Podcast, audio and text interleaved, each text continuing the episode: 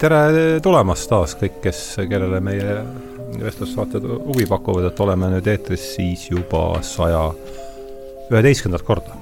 ja, taas siis hea meel, nagu ikka, tervitada vähemalt kahte saatekülalist. tere tulemast, Jaan Kivistik, kas on kolmas kord või? vist küll, jah. kellega sa käisid, sa käisid Jaanikaga? Jaanikaga ja Piretiga just, Janikaga oli Aristoteles ja Platon ja, ja Piretiga rääkisime Berkeley'st, eks. nojah. ja niivõrd-kuivõrd. jah, ja teadusest üldse. jah, Descartesi nõelaats oli selle teise ja. pealkiri ja mõõduandvad, meie mõõduandvad mõtlejad olid äh, siis selle Platoni ja Aristotelese saate mm. nimi. tere tulemast, Rauno Alliksaar, esimest korda! tere!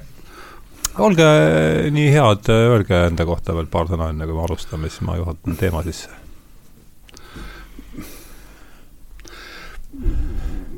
mina olen pensioni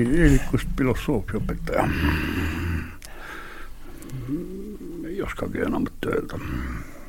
Rauno? Ehm, noh, mina olen, äh, tegelikult olen ülikooli ajast Jaani õpilane isegi. jaa, see tuli jutuks meil. nii et aga muidu äh, usuteadlane. et äh, mõned, mõned aastad tagasi sattusin sellise noh, portsu otsa, ütleme siis nii, et et äh, tegelen Augustinuse De Doctrina Christianaga, selle tõlkimisega nimelt mm. -hmm. õpetan usuteaduskonnas ladina keelt ja siis äh, kuidagi see Augustinus on nagu loogiline vist mm. -hmm. ma just äh, telefonist üritan äh, ühte tsitaati sisse juhatada, millega alustada, aga ma kardan, et ma ei, see praegu ei õnnestu, et ma oleks pidanud sellele varem, aa ei, õnnestub siiski. et ma siis mm, juhatan teema sisse tsitaadiga raamatust, mis on mulle, no juhatas mingile tee otsale mind kunagi ammu, mis ma, mida ma olen siia, niimoodi siiani tallanud, see on John Gray, Briti poliitikafilosoofi John Gray raamat mm, Must missa. alapealkirjaga vist midagi apokalüpt-, apokalüptiline poliitika, midagi taolist. ja sealt võib siis lugeda sellist, tsitaat on siis pärit sealt süstemaatilisema katse nendelt esotoloogilistelt lootustelt, mis olid hingestanud Kristust ja tema jüngreid, sütik maha keerata, tegi püha Augustinus, eluaastat siis kolmsada viiskümmend neli, nelisada kolmkümmend. Augustinus uskus oma elu algul äh,, Augustinus uskus oma elu algul Manilusse, kus kurjus peetakse maailma püsivaks omaduseks ning see arusaam elab tema teoloogias edasi kui Mani arvas, et valguse ja pimeduse võitlus kestab aegade lõpuni, siis Jeesuse järgijad ootasid viimast vaatust, kus kurjus lõpp, lõplikult hävitatakse. Augustinus uskus, et meis kõigis on eksistentsiaalne mõra ning tema pärispatu doktriinis sai kristliku ortodoksia keskne seisukoht. et äh, see lühike tsitaat äh, ütleb siis äh,, selle lühikese tsitaadiga tahtsin ma anda mõista sellest, et juttu tuleb Augustinusest ja, ja taust on siis see, et mul on praegu koolis on kursus, noh, Jaan teab seda, eks ole, ma saatsin sulle selle, ma ei tea, kas ma Raunole jõudsin saata. et on kursus siis vendadest Karamazovitest ja see ma olen, noh, põhi, põhifookus on sellel, aga ma samal ajal ka paralleelselt äh, olen valinud siis lääne mõtteajaloost äh, seitse mõtlejat, kellest me igas, iga kord äh, niimoodi peatume pisut no väga põgusalt äh, muude asjade kõrval, aga et äh, need on siis äh, Platon ja Aristoteles, kes on juba läbi käidud ja järgmine kolmapäev on siis Augustinusest. Augustinuse kord, edasi tulevad sealt siis Aquino, Toomas, Descartes, Kant ja Hegel, kuivõrd noh, Hegel siis seetõttu, et oli vaja nagu vastaspoolus Schopenhauerile, kes meid tegelikult seal kogu selle asja taga huvitab, et äh, ühesõnaga siis äh, rida selline, et Platon, Aristoteles, Augustinus, Toomas Aquino äh,, Toomas Aquinost äh,, Descartes, Kant, Hegel. et küsiks kõigepealt üldse, et kuidas, mis te sellest reast arvate ja, ja kuidas Augustinus sellesse, sellesse ritta sobib teie arvates? Kummast pihta hakkama hakkame, seni-, senioriteedi, senioriteedi järjekorras. ole hea, Jaan. võib-olla iga teise puhul neist ma ma peaksin nagu, nagu iseendaga rohkem võitlema, et seda seost põhjendada, tähendab siis praegusel juhul siis Dostojevski ja äh, Augustinus, aga just nende kahe puhul on see seos minu meelest täiesti orgaaniline, no kui mm -hmm. hästi lühidalt kokku võtta ju Dostojevski suuremad romaanid, neli tükki võib need lühidalt ja kokkuvõttes kõik nad on ühed tapmise, tapmise või kohtulood või laiendatud selline või no isegi võib öelda kriminaalromaanid ja mm. ongi kõik, mida üks kriminaalromaan tähendab, selge. aga kui sisuliselt püüda nüüd kokku võtta, siis kõigis neis neljas, võib-olla idioot eh, on natukene erandlikum, on teemaks tahtevabaduse ühelt poolt ja teiselt poolt siis sellise analüütilise mõtlemise vahekord ja ta peaaegu alati näitab, et, et mõistus või analüütiline mõtlemine on kuidagi küündimatu, mingisuguse ummikuni paratamatult jõuda, aga teiselt poolt jälle puhas tahtevabadus või vaba tahe ka ei mahu kuidagi sujuvalt siia maailma. Tahtevabaduse ja mõistuse või mõtlemise ja teiselt poolt ka tahtevabaduse ja maailma säätuse vahekorrad näevad olevat igal juhul problemaatilised. ja kes veel oleks selle teema sissejuhatuseks parem, kui võiks isegi öelda, et Augustinus on selle probleemi leiutaja noh, mingis mõttes ju ka tahte siis tahtevabaduse tahte ja analüütilise ja, mõtlemise. niisuguse noh, pro-, probleemsuse, selle mm -hmm. nende vahekorra probleemsuse mm -hmm. või isegi võib-olla üldse ta tõstab tahtevabaduse selliseks noh, muidugi tänu kristlusele saab tahtevabadus just Augustinuse interpretatsioonis selliseks keskseks teemaks vanade klassikaliste kreeklaste jaoks ei ole see, ei ole see tühjagi probleem. vabadus on lihtsalt rumaluse teine nimi ja vabadus tekitab probleemi sellepärast, et inimesed ei jaga, ei taipa, kuidas asjad tegelikult käivad. ei näe läbi maailma paratamatusi.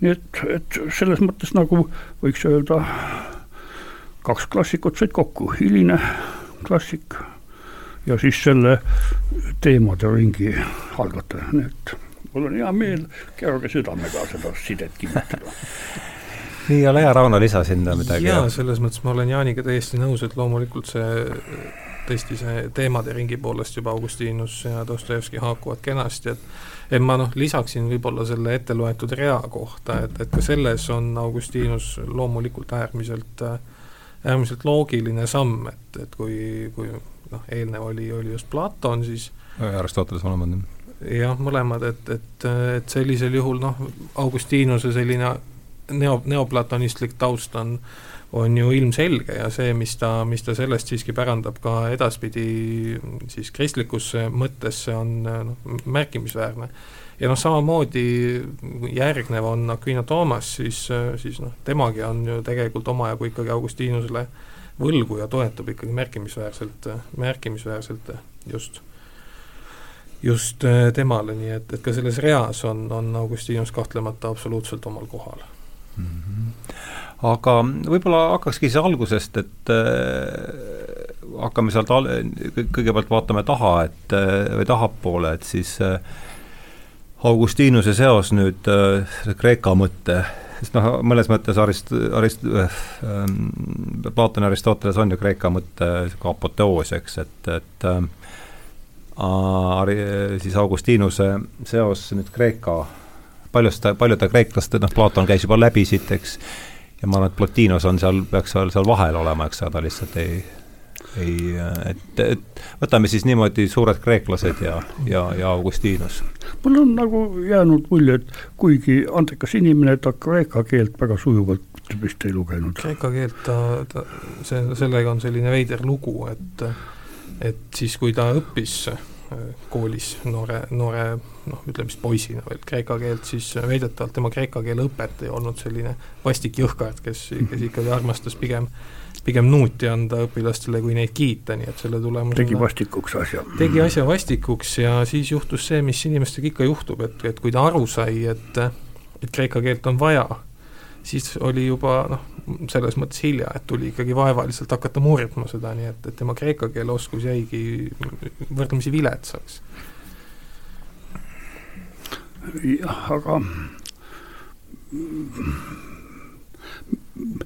ometi ka ta tundis vähemalt seda sellist neoplatonistlikku traditsiooni ja ta, kuidas ta täpsemalt selle kätte sai, no vaevalise tööga, mis muud, mis muud, uudishimu sündis. või noh, eks sellel ikkagi lihtsalt haritus, haritud inimese mõõt oli ka kreeka keele tundmine ka see kreeka keel kadus unustusse ikka mõned sajandid hiljem alles võib-olla esimese aastatuhande lõpus tuli see kreeka keeles, kreeka keele mõttes pimedus Euroopasse. aga see, see on veel antiigi jätk, kus, kus Augustinus elab. No kui me räägime Platonist ja Aristotelesest ja, ja neid ju lahutab pea, noh, ei tule tuhandet aastat seal päris, aga, aga mis see kaheksasada tuleb äh, enam-vähem ikkagi kerib sealt, äh, kerib, kerib välja, et pole Kristust. Vahepeal on tulnud kristlus ja et, et mida teeb, mida teeb siis ja, ja ilmselt eks Augustinus on oma temperamendilt ja, ja loomu ja vaimulaadilt rohkem ikkagi Platoni, rohkem on temas äh, Platonit kui Aristotelest või? no kõige üldisemas süstemaatikas tõesti teda ju nimetatakse mm -hmm. neoplatonistiks, nagu Pauno juba ka Just. jõudis selle mm, -hmm. aga mulle tundub, et ta on tegelenud nii paljude asjadega, et mõned teemade puhul on täiesti loomulik nimetada teda ka ühesõnaga neoplatonistiks, eriti sellise üldise maailma skemaatika mõttes, aga kui ta räägib kitsamalt sellisest noh, inimese just nimelt võitlusest moraalsete probleemide või tahtevabaduse ümber, siis, siis nagu see tundub selline rohkem psühholoogiline äh, käsitlus, kus spetsiifiline platonism või neoplatonism enam ei paista välja, nii et võiks öelda, et vahetevahel on selgelt ja vahetevahel on on, et selline üldine liigendus on tahes-tahtmata pealiskaudne, et ta ei hõlma kõike. jah, selles mõttes, et nii mõneski mõttes on, on, ütleme, on kirjutatud, et, et Augustinuse jaoks see neoplatonism, et, et, et oli selles mõttes selline vahesamm, et ta otsis midagi, manilus oli tema jaoks tolleks hetkeks ennast minetanud juba ja siis otsides sellist noh, teadmist või või, või noh, sellist suurt mõistmist kuidagi filosoofia kaudu, siis mõnes mõttes see neoplatonism oli, oli igati selline loogiline samm, aga aga iseenesest äh, seal sageli keskendub küll sellistele noh, väga üldistele ja üksikutele printsiipidele, mis, mis noh, osalt kanduvad siis edasi tema, tema noh, selles hilisemas nii-öelda kristliku kirjamehe faasis, et et, et teda seostatakse loomulikult sellega ka jah, et see noh, nagu jääb, jääb sageli selliseks üldiseks mm. -hmm no ma saan aru, niisugune suur teema on eks olnud see kristliku ja, kristliku ja, ja ühelt poolt siis kristliku või juudi traditsiooni ja Kreeka traditsiooni ühendamine, eks, et mm -hmm. et noh, veel kord, me ei saa eeldada, et meie kuulajad oleksid siin selle aja spetsialistid, et võib-olla mm, mis annaks selle probleemistiku üldse, et mida see, mida see Ateena ja Jeruusalemma süntees endast üldse, kui sellest niimoodi veerand, kümmekonna või veerand minutiga anda mingi üldine, üldhariv ettekujutus, et kust te siin pihta hakkaksite, et mis on, mis on see, mida seal ühendada tuleb no,? selline aforistlik sõnastus sellele on, et, et see on usu ja mõistuse noh, võistlus või, või dilemma, valik nende vahel, nende vahel, aga see on ka selline metafoor, võib-olla. kõnekas metafoor siis. jah, aga, aga selle äh, kindlasti ei ole usk ja mõistus mingid kaks, kaks sõjameest või poksjat, kes annavad teise, teineteisele hoope, vaid, vaid nad on abstraktsed objektid, mis vaevalt et teineteisele ise liiga teevad, aga, aga võib-olla on pigem ikkagi konkurents vastavate maailma käsitluste vahel, kus see klassikaline Kreeka filosoofia, Platoni oma pakub sellist läbinisti mõistuslikku ja paratamatu maailma korra kirjeldust. paratamatust Aaron mõistis väga hästi ja, ja kui seal ongi midagi juhuslikku, siis ka see on paratamatu ja mõistus peab ka selle omaks võtma, aga, aga see, see teine võistlev maailmakäsitlus põhineb, põhineb ilmutusel. ta ei ole inimesel sellise osalt intuitiivse, osalt deduktiivse mõtlemise läbi läbinähtav seaduspärasuste kogum, vaid on vahetpidamata üllatus, vahet, see on midagi sellist, mida, mille kohta teadmist meile kingitakse või mille kohta vähemalt põhilisi, kõige fundamentaalseid tõsiasju ilmutatakse ja kui meie mõistusel ongi mingi osa, siis ta tegeleb ainult detailidega selle üldise ilmutusliku pildi sees ja, ja, ja siis ka see mm -hmm. Jeruusalemm siin kohapeal ju ei tähenda mitte nii otseselt juudi äh, kultuuri, vaid ikkagi pigem seda Jeesusest äh, lähtuvat, seda evangeelset sõnumit, muidugi ikka lühidalt ikka metafoorselt on see Jeruusalemm mm -hmm. ja Ateena või siis juuda ja juudi ja kristlikku, ei ju, ei ole siin, siinkohal mitte kristlikku, vastupidi. hea küll, aga, aga ma ju heietasin juba ära selle esimese lähendi mm. -hmm. mulle meeldis see sõnastus, et mõistus tegeleb detailidega selle ilmutusliku pildi sees, see kuidagi jah, sest ega see, kumbki neist ei hülga teist täielikult, üks. see on ilus üks tunnistab ka juhuseid ja teine jälle möönab, et mõistusel on ka mingi väike osa tähtsamate asjade kõrval mm. -hmm ja ei, kahtlemata see noh, ma jäin ise ka mõtlema just, et ennekõike selles kontekstis me räägime tõesti siiski sellest Kreeka, Kreeka ja pigem võib-olla sageli just sellest kristlikust traditsioonist, et siin, siin noh, kas või sellised äh, üksikud elemendid, mis, mis kohe läbi löövad, minul on jäänud mulje selles mõttes, et et, et ega neid kahte noh, me võime rääkida sünteesist, me võime rääkida sellest, et need on kuidagi kaks erinevat, erinevat asja, aga et tegelikult see just selles varases esimeste sajandite kristlikus traditsioonis tegelikult kohtuvad noh, mingite kohtade peal oluliselt lõdvemalt, teiste kohtade peal tihedamalt, et mõnikord see mõiste tasandile ainult pidama, et noh, võtame kas või ette, ma ei tea, Johannese evangeeliumi, milles alustatakse kohe loogose mõistest, mis tegelikult on ju Herakleituselt hoopis mitu sajandit varasem Äh, räägime neoplatonistidest, siis enne Plotinost, Plotinose õpetaja Ammonius Sakkas on selline, selline huvitav karakter, et ka näiteks ka näiteks esimest sajandite sellised kristlikud kirjamehed, Eusebius, Hieronüümus, Origenes on kõik teda jõle oluliseks pidanud, et kuigi ta oli pagan. et aga et samas, et see aparaat nii-öelda, mis tema on püsti pannud, et selle noh, et seda saab ju kasutada kogu aeg, et et kas siin noh, ja, ja teiste kohtade peal on, on võib-olla isegi pigem see, et et nad mitte ei vastandu üksteisele kuidagi, vaid räägivad täiesti erinevatest asjadest. et, et siin noh, sellist üldist mingisugust, et kuidas nüüd need kaks suhestuvad, mina otseselt välja joonistada ei julgekski, et noh, mingite kohtade peal haakuvad tihedalt, siis lõdvalt siis üldse mitte, mm -hmm. et selliseid noh, vahevorme kõikvõimalikke on, on terve hulk. aga noh, see see sõna nüüd, mis siin ka valmistab äh, ütleme, Kreeka traditsioonist äh, tulnule peadmurdmist ja imestamist ja, ja juurdlemist, on seesama ilmutus, et, et mis, mis tuum, kui me saaks natukene siin sellele noh, ma ei, muidugi ei hellita lootust, et me siin nüüd saaksime lõpliku definitsiooniga lagadele tulla, aga heietaks selle ümber natuke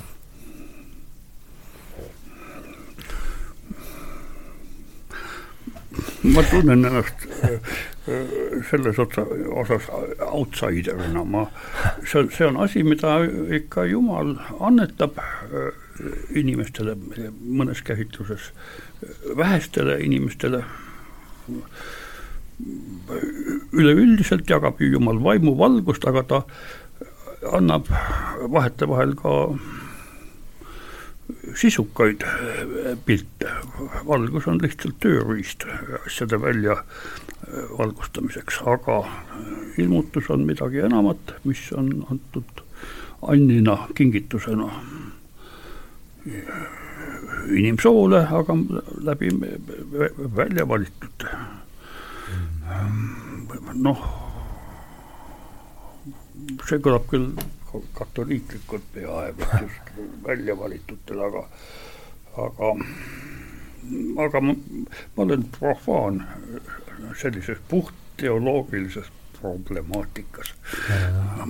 huvitav ikka. ehk sa oskad aidata välja. noh, selles mõttes, et äh, huvitava, huvitava märkus tegelikult kõlab katoliiklikult, et sellistele valitutele antud, sageli no. jah, sõna ilmutus äh, no, mul... sellises tavapruugis seostubki sellega, et see on mingi tohutu jah, ma mõtlesin korraks sellise äh, luterliku idee peale, et ikkagi üleüld-, igaüks on preest, pre-, omaenda preester või üleüldine preesterlus kehtib, kõik on jumala ees võrdsed selles mõttes siis nagu on imelik rääkida ja aga, aga katoliiklikus käsitluses on siiski preesterkond midagi ju midagi täiesti lähemat, erinevat, jah. jah, et et seda ma püüdsin mm -hmm. lõpult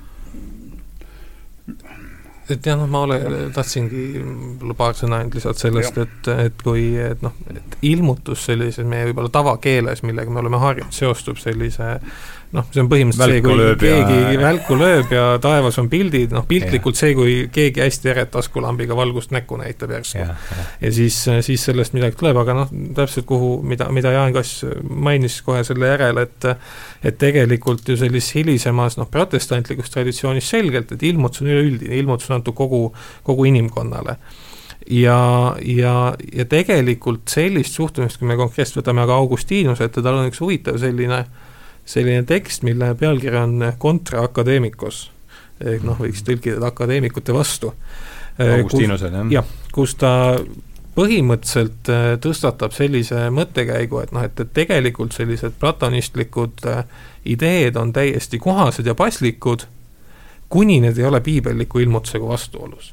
et, et seni võib neid tööriistu ja kõike kasutada, kuni nad ei ole piibelliku ilmutusega vastuolus ja noh, Augustinuse jaoks ilmutus äh, ei seostugi noh, kuidagi sellise aktiivse mingisuguse ägeda tegevusega, vaid tema jaoks on, on antud, antud siis piibli kaudu, et see, mis on noh, et Kristus on tulnud, on ju, tegema seda, mida tema tegema peab, see on tema jaoks piibli kaudu selline antus selle, selle, sellel ajal, kui ta juba jõuab oma sellisesse kristlikku faasi ja ja noh, see on äh, ilmselt äh, noh, see ja noh, paljud teised ideed loomulikult, et küllap neist tuleb ka juttu, on näiteks see põhjus, miks reformatsiooni ajal nii Luter kui Calvin hirmsasti armastavad Augustinust, et temalt leiab terve hulga selliseid noh, seal loomulikult on ka tema ettemääratused ja vaba tahte küsimused, aga ka see, et noh, et, et meil on, on, on piibel, mis sisaldab seda ilmutust, mis inimkonnale on antud. et noh, see loomulikult toetab sellist protestantlikku noh, sola scriptura, mis ainult äh, pühakirjal toetumise ideed, et aga Augustinusel on see noh, olemas, et, et see on üle kõige, kõik, kõigi muude asjadega sa mängid seal, kuni see ei lähe vastuollu, et äh. midagi lisada?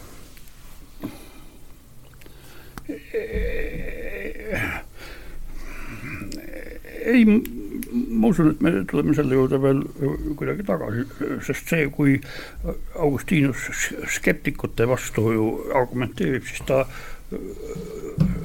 jõuab ühe üllatavalt lähedale sellele, millest Descartes hiljem, tuhat aastat hiljem rääkis, see, see cogito ergo sum on ligikaudu samas tähenduses leitav just neist töödest, kus Augustinus võitleb sellise mm -hmm. skepsise äh, vastu, vastu, et ei ole võimalik isegi ju kahelda, kui ise ei olda samal ajal eh, olemas või ei ole võimalik kahelda selles, et sa kahtled. ja, ja see annab veel ühe, ühe liini nagu, kuidas Augustinus on ise sellise uusaegse mm. subjektivismi noh, nagu teehoiaja. ta ise toob välja subjektivismist selle osa, mis just nagu lubaks tõsikindlat teadmist, kõigutamatut teadmist. see on täiendav argument tõese usu, õige usu kaitseks, skeptikute vastu mm. -hmm. ja tegelikult Descartesil funktsioneerib see küll samuti, kuigi esimesed laused selle argumendi juures on, et mitte midagi ei usu ja mm. -hmm no nii vähe, kui mina sellest aru saan, on see on ju ka Platoni põhiprobleem skeptikute vastu ja et see, see tema kahekorruseline epistemoloogia ongi minu arvates jällegi nii vähe, kui mina sellest aru saan, ju üks võimalus skepsisest välja tulla, et meil on nojah, Platon just nagu peab iseendaga võitlema, sest ühe käega ta nagu kinnitab, et maailmas on selline mõistuspärane tuum, ideede maailm ja te, teisalt ta siis seletab, et see meie silmnähtav maailm on üldse üks kahtlane asi, mille kohta midagi kindlat ei ole mm. -hmm ei ole võimalik teada. aga skeptikust vaid aitab see, et on olemas need ideed, mida me saame mõistusega tõsikindlalt mhm. teada, eks. aga ühed tema, ühed tema nooremad järeltulijad võtavad just selle poolt, näe, Platon seletab, et, et maailma, see, mida me näeme, on, on kõik kahtlane, ainult me võime lihtsalt arvata, aga mitte midagi kindlat teada selle kohta.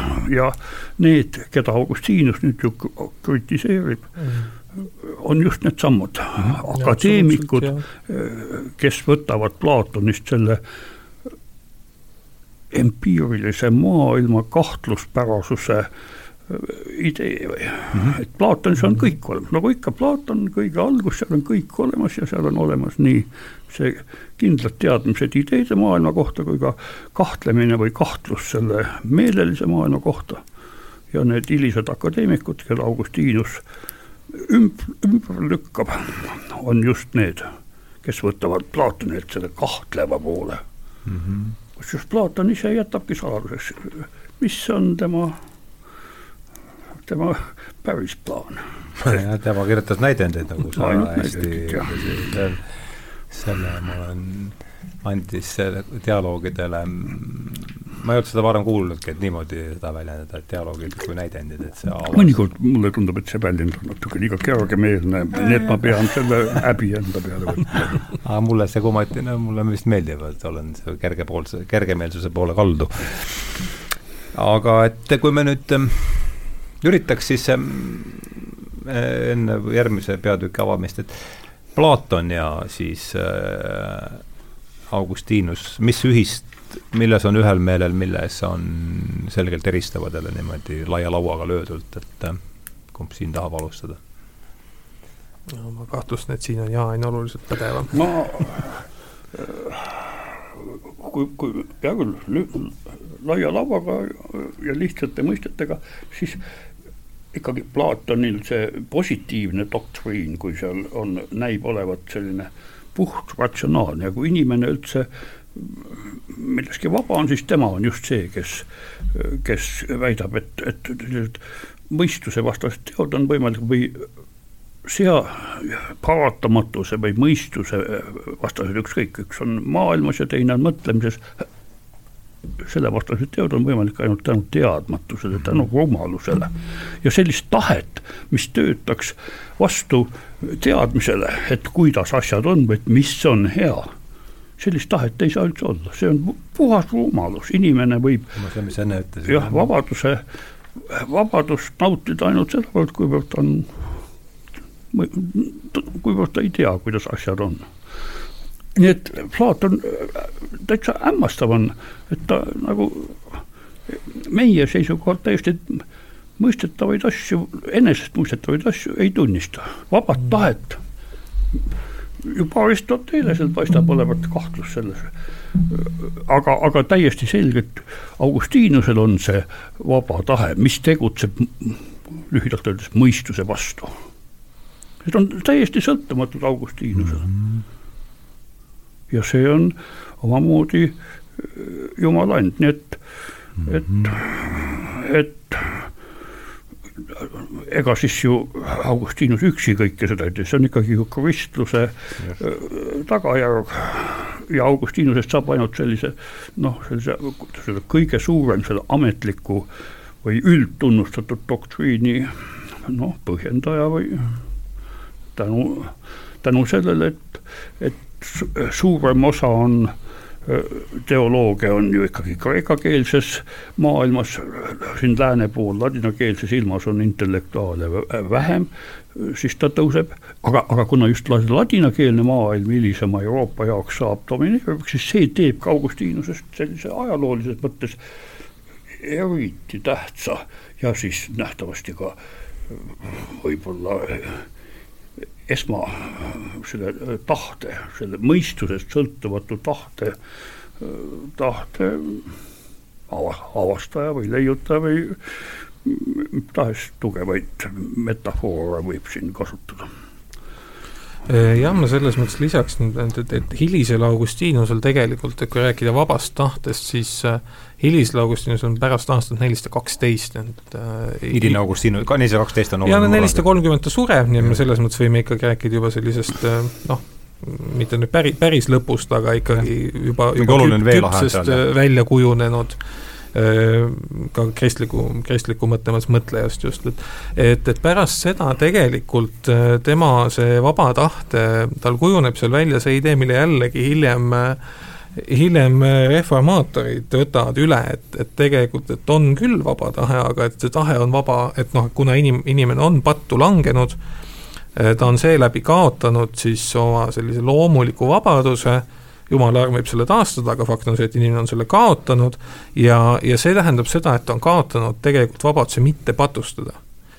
ehk et, et tal on vaba tahe, aga ta tahe on vaba patustama ja et siis noh, et, et sealt sedasi, seal jumala arm on siis see, mis, mis noh, taastab inimese võime siis äh, mitte patustada ja noh, loomulikult teispoolsus muudab selle nagu ainuvõimalikuks, et seal ei ole võimalik patustada aga et tal noh, tegelikult ongi, on ka väga selgelt see, et, et, et tahe on vaba tegema lollusi põhimõtteliselt. Mhm. ja mitte midagi erilist muud no,. põhimõtteliselt. ma tänan selle täienduse eest, oleks ma pikemalt kõnelenud, võib-olla oleks ka selleni jõudnud, et see, see tahe ei ole just seesama nii eriti hea asi, mille poole äh, tänapäeva mhm. maailm või ka näiteks Heegeli maailm, skemaatika näib püüdlevat, vaid just vastupidi, see on eelkõige selleks, noh, nagu see esimene tahteaktki oli, Aadam ja Eeva õunaaias, kas see oli siis ilus tegu, kust see tahtevabadus algas, ei.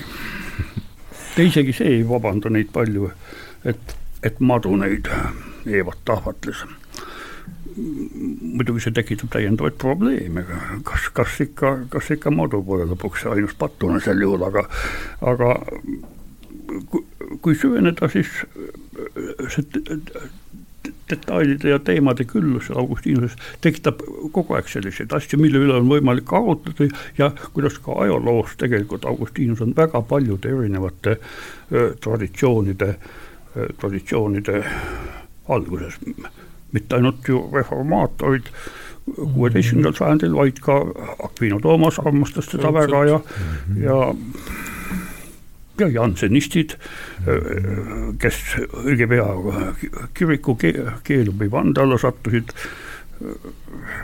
peavad ennast või pidasid ennast kõige õigemateks Augustiinuse tõlgendajateks ja, ja neid, neid poole, üksteisega võit-, võistlevaid poole, kes kasutavad Augustiinust mõnuga, on palju ja pelagiaanid, need.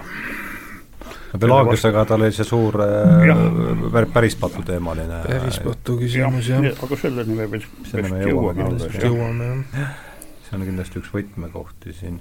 aga ma, enne kui me siit, ma tahtsin ikkagi tegelikult minna ta eluloo juurde nüüd niimoodi ja aga enne kui me, see, see, see tahe on siit käinud mitu korda läbi, et võib-olla oleks ja, ja, ja ütleme, et mingil määral nüüd äsja me teda ka avasime nagu rohkem, aga et et ehk oleks hea veel teha üks ring peale sinna, et mida me selle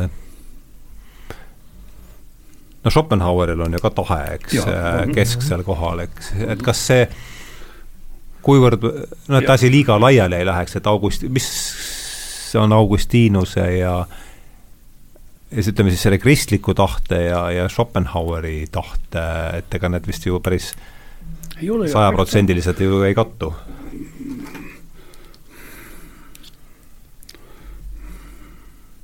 Nojah, kuidagi ajastud on erinevad ja, ja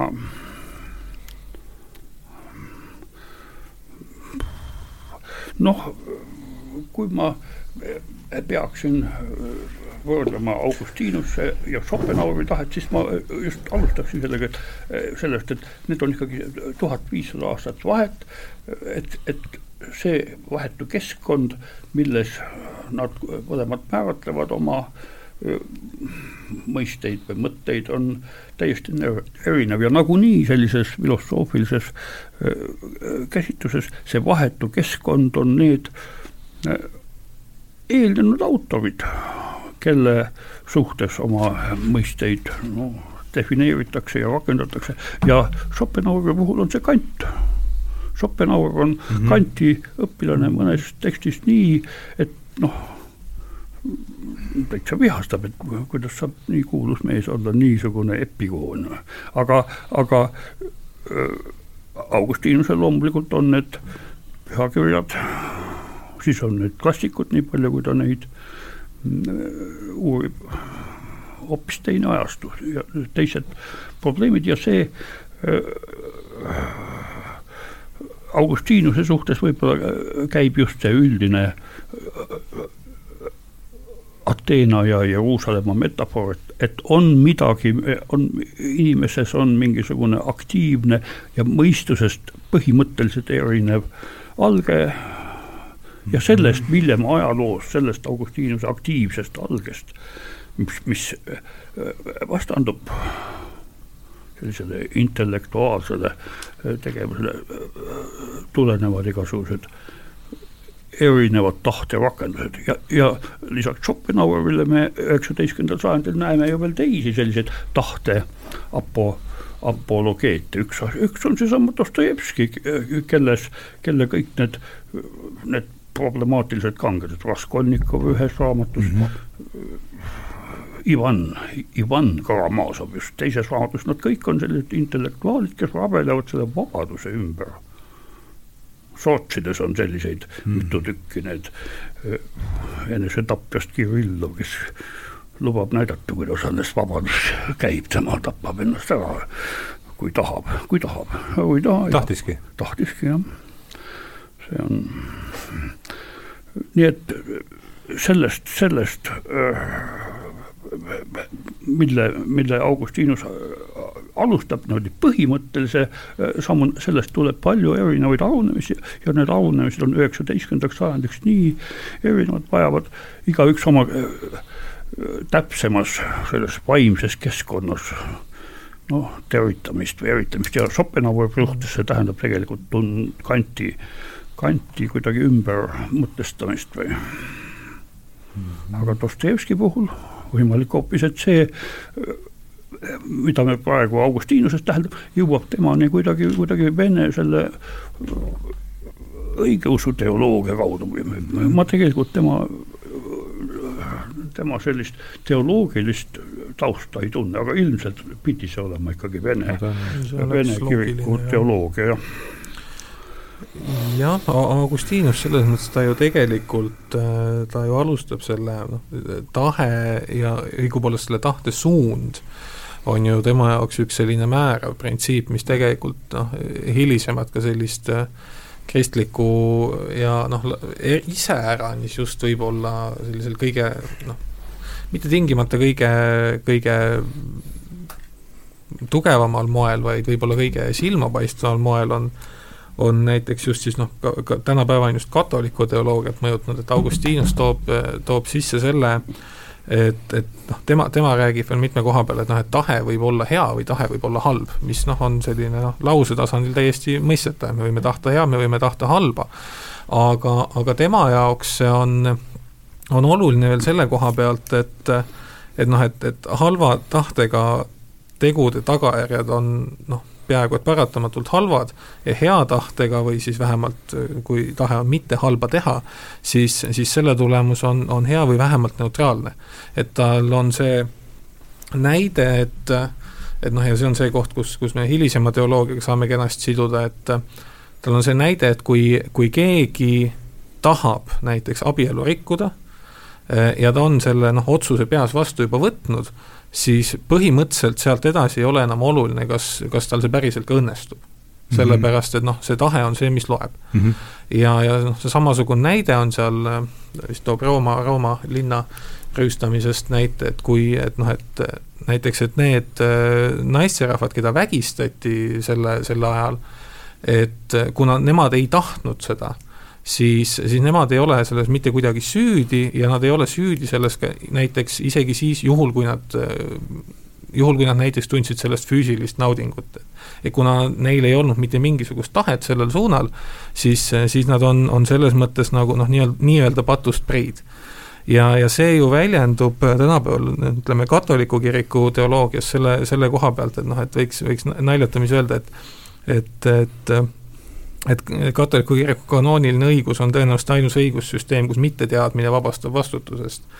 et mm -hmm. kui äh, noh, see on kõige selliste alus, alusdokumentideni läheb äh, kirikus välja, et kui inimene teeb midagi ilma, et ta teaks üleüldse, et see on kuidagi halb, ja noh, see tõesti selliste alusdokumentide või noh, dogmaatiliste konstitutsioonideni läheb välja, et näiteks noh, need, kes äh, et ühest küljest see kirik äh, on tarvilik lunastuse jaoks, aga neil, kellel, kes seda ei tea või kes päris mhm. täpselt ei tea, nemad ei ole selles kuidagi süüdi, nad ei noh, neid ei saa hukka mõista selle pärast, mhm. sest noh, nad ei tea lihtsalt. Nad, nad tahavad parimat, nad võib-olla lihtsalt ei tea, mis see parim on.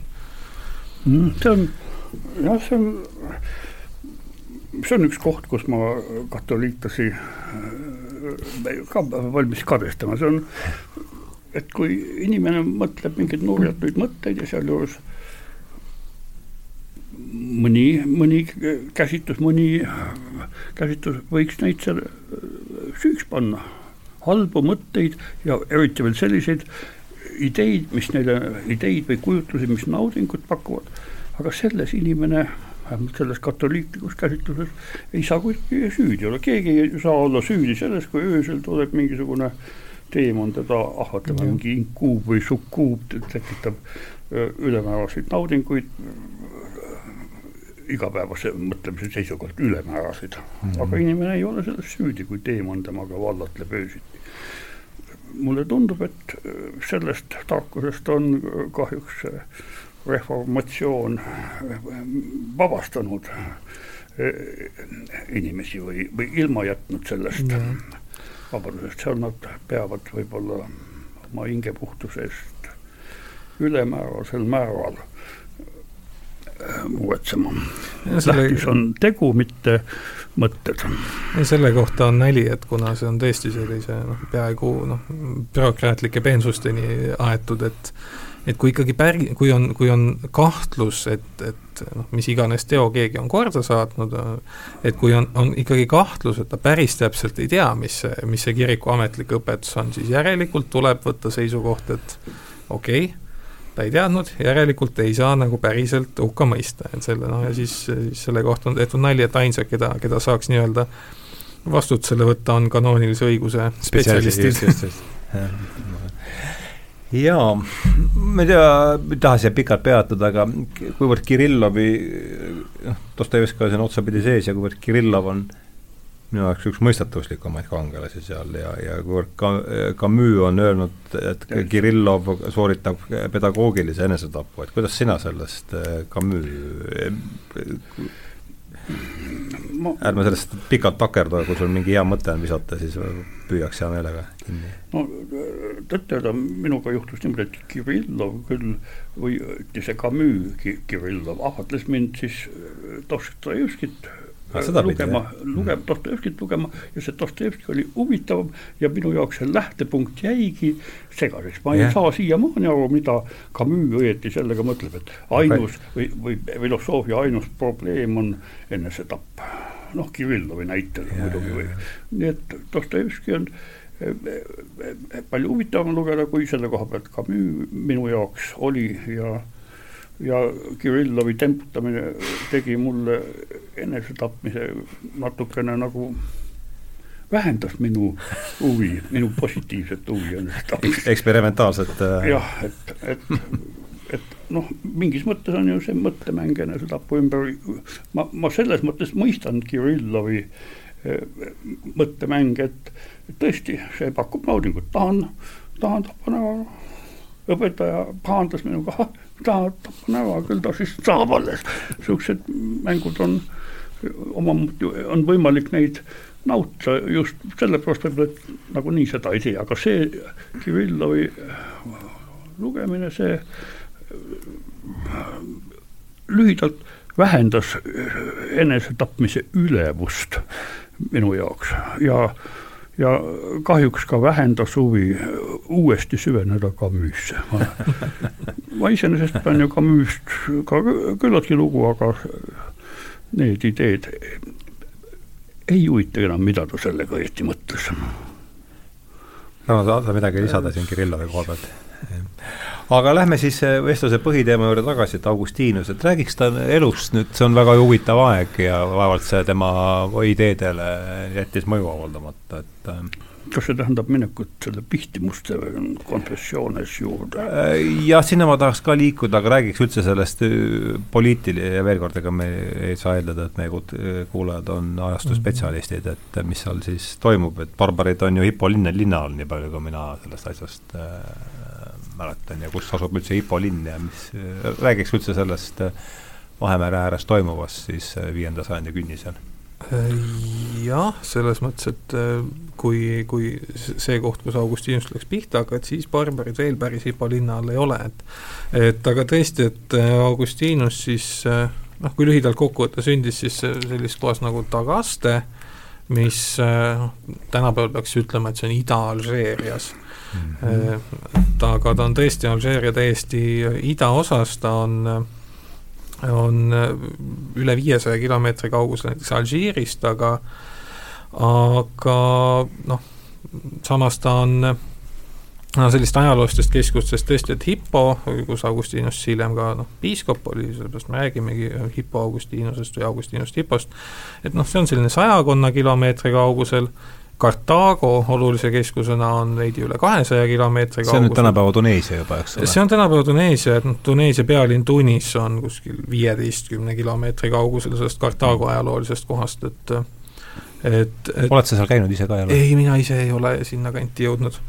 et aga noh, selline Vahemere, Vahemereäärne ruum, mis, mida siis tol ajal, kui noh, siin me räägime ka Augustinust endast, mitte ainult sellest keskkonnast, et noh, iseloomustab see, et et see on Rooma, Rooma provints, seal on siis äh, Numiidia äh, ja, ja seal on äh, üsna, no sellise üsna tüüpilisena mõnes mõttes Rooma impeeriumil on kujunenud välja olukord, kus siis kohalik rahvas on, on märkimisväärses osas just linnade piirkonnas ja rannikuribal on siis romaniseerunud. Et et, tegelikult Augustinus ise ka vähemalt noh, tema ema puhul on noh, nimeseosega on arvatud, tema ema oli berber, äh, isa kohta ei ole täpselt teada, äh, võimalik ka, et oli, aga ei pruukinud, aga igal juhul fakt on see, et, et selline noh, juriidilises mõttes oli sadakond aastat see perekond umbes olnud äh, roomlased, Rooma kodanikud, et see Aureliuse Äh, nimi siis äh, on siiski, siiski Rooma oma. ja, ja selliseid noh, romaniseerunud berbereid ja, ja noh, peamiselt siis berbereid äh, on seal terve hulk ja, ja just Carthago on selline piirkonna kõige olulisem keskus. et Augustinus sünnib Tagastes, siis ta hiljem õpib Madauruses, mis on seal lähedal, Tagaste lähedal, ja seitsmeteistkümne aastaselt ta lähebki, siis tal on selline rikas ütleme siis sponsor Romanianus, kes on siis nõus toetama tema õpinguid. Kartaagost, ta läheb sinna muidugi retoorikat õppima, äh, milles siis äh, ta on märkimisväärselt osav äh,, aga noh, selline huvitav detail, et, et see, see nii-öelda Rooma-Aafrika on siiski niivõrd eripärane ja see noh, see, just see, et, et seal on et see ladin, selle ladinakeelse noh, roomaliku kultuuri on suures osas loonud just need noh, romaniseerunud kohalikud, mitte niivõrd siis Itaalia poolt sisse rännanud, siis no Augustinus hiljem mainib, kui ta on noh, juba Roomas, mõnda aega üsna lühidalt küll et noh, et, et itaallased naeravad tema häälduse üle mm, -hmm. et, mhm. et kõva retoorikaga, noh vot häälduse üle naerdakse, et, et seal on selline mm -hmm. omaette kultuur kujunenud tegelikult välja.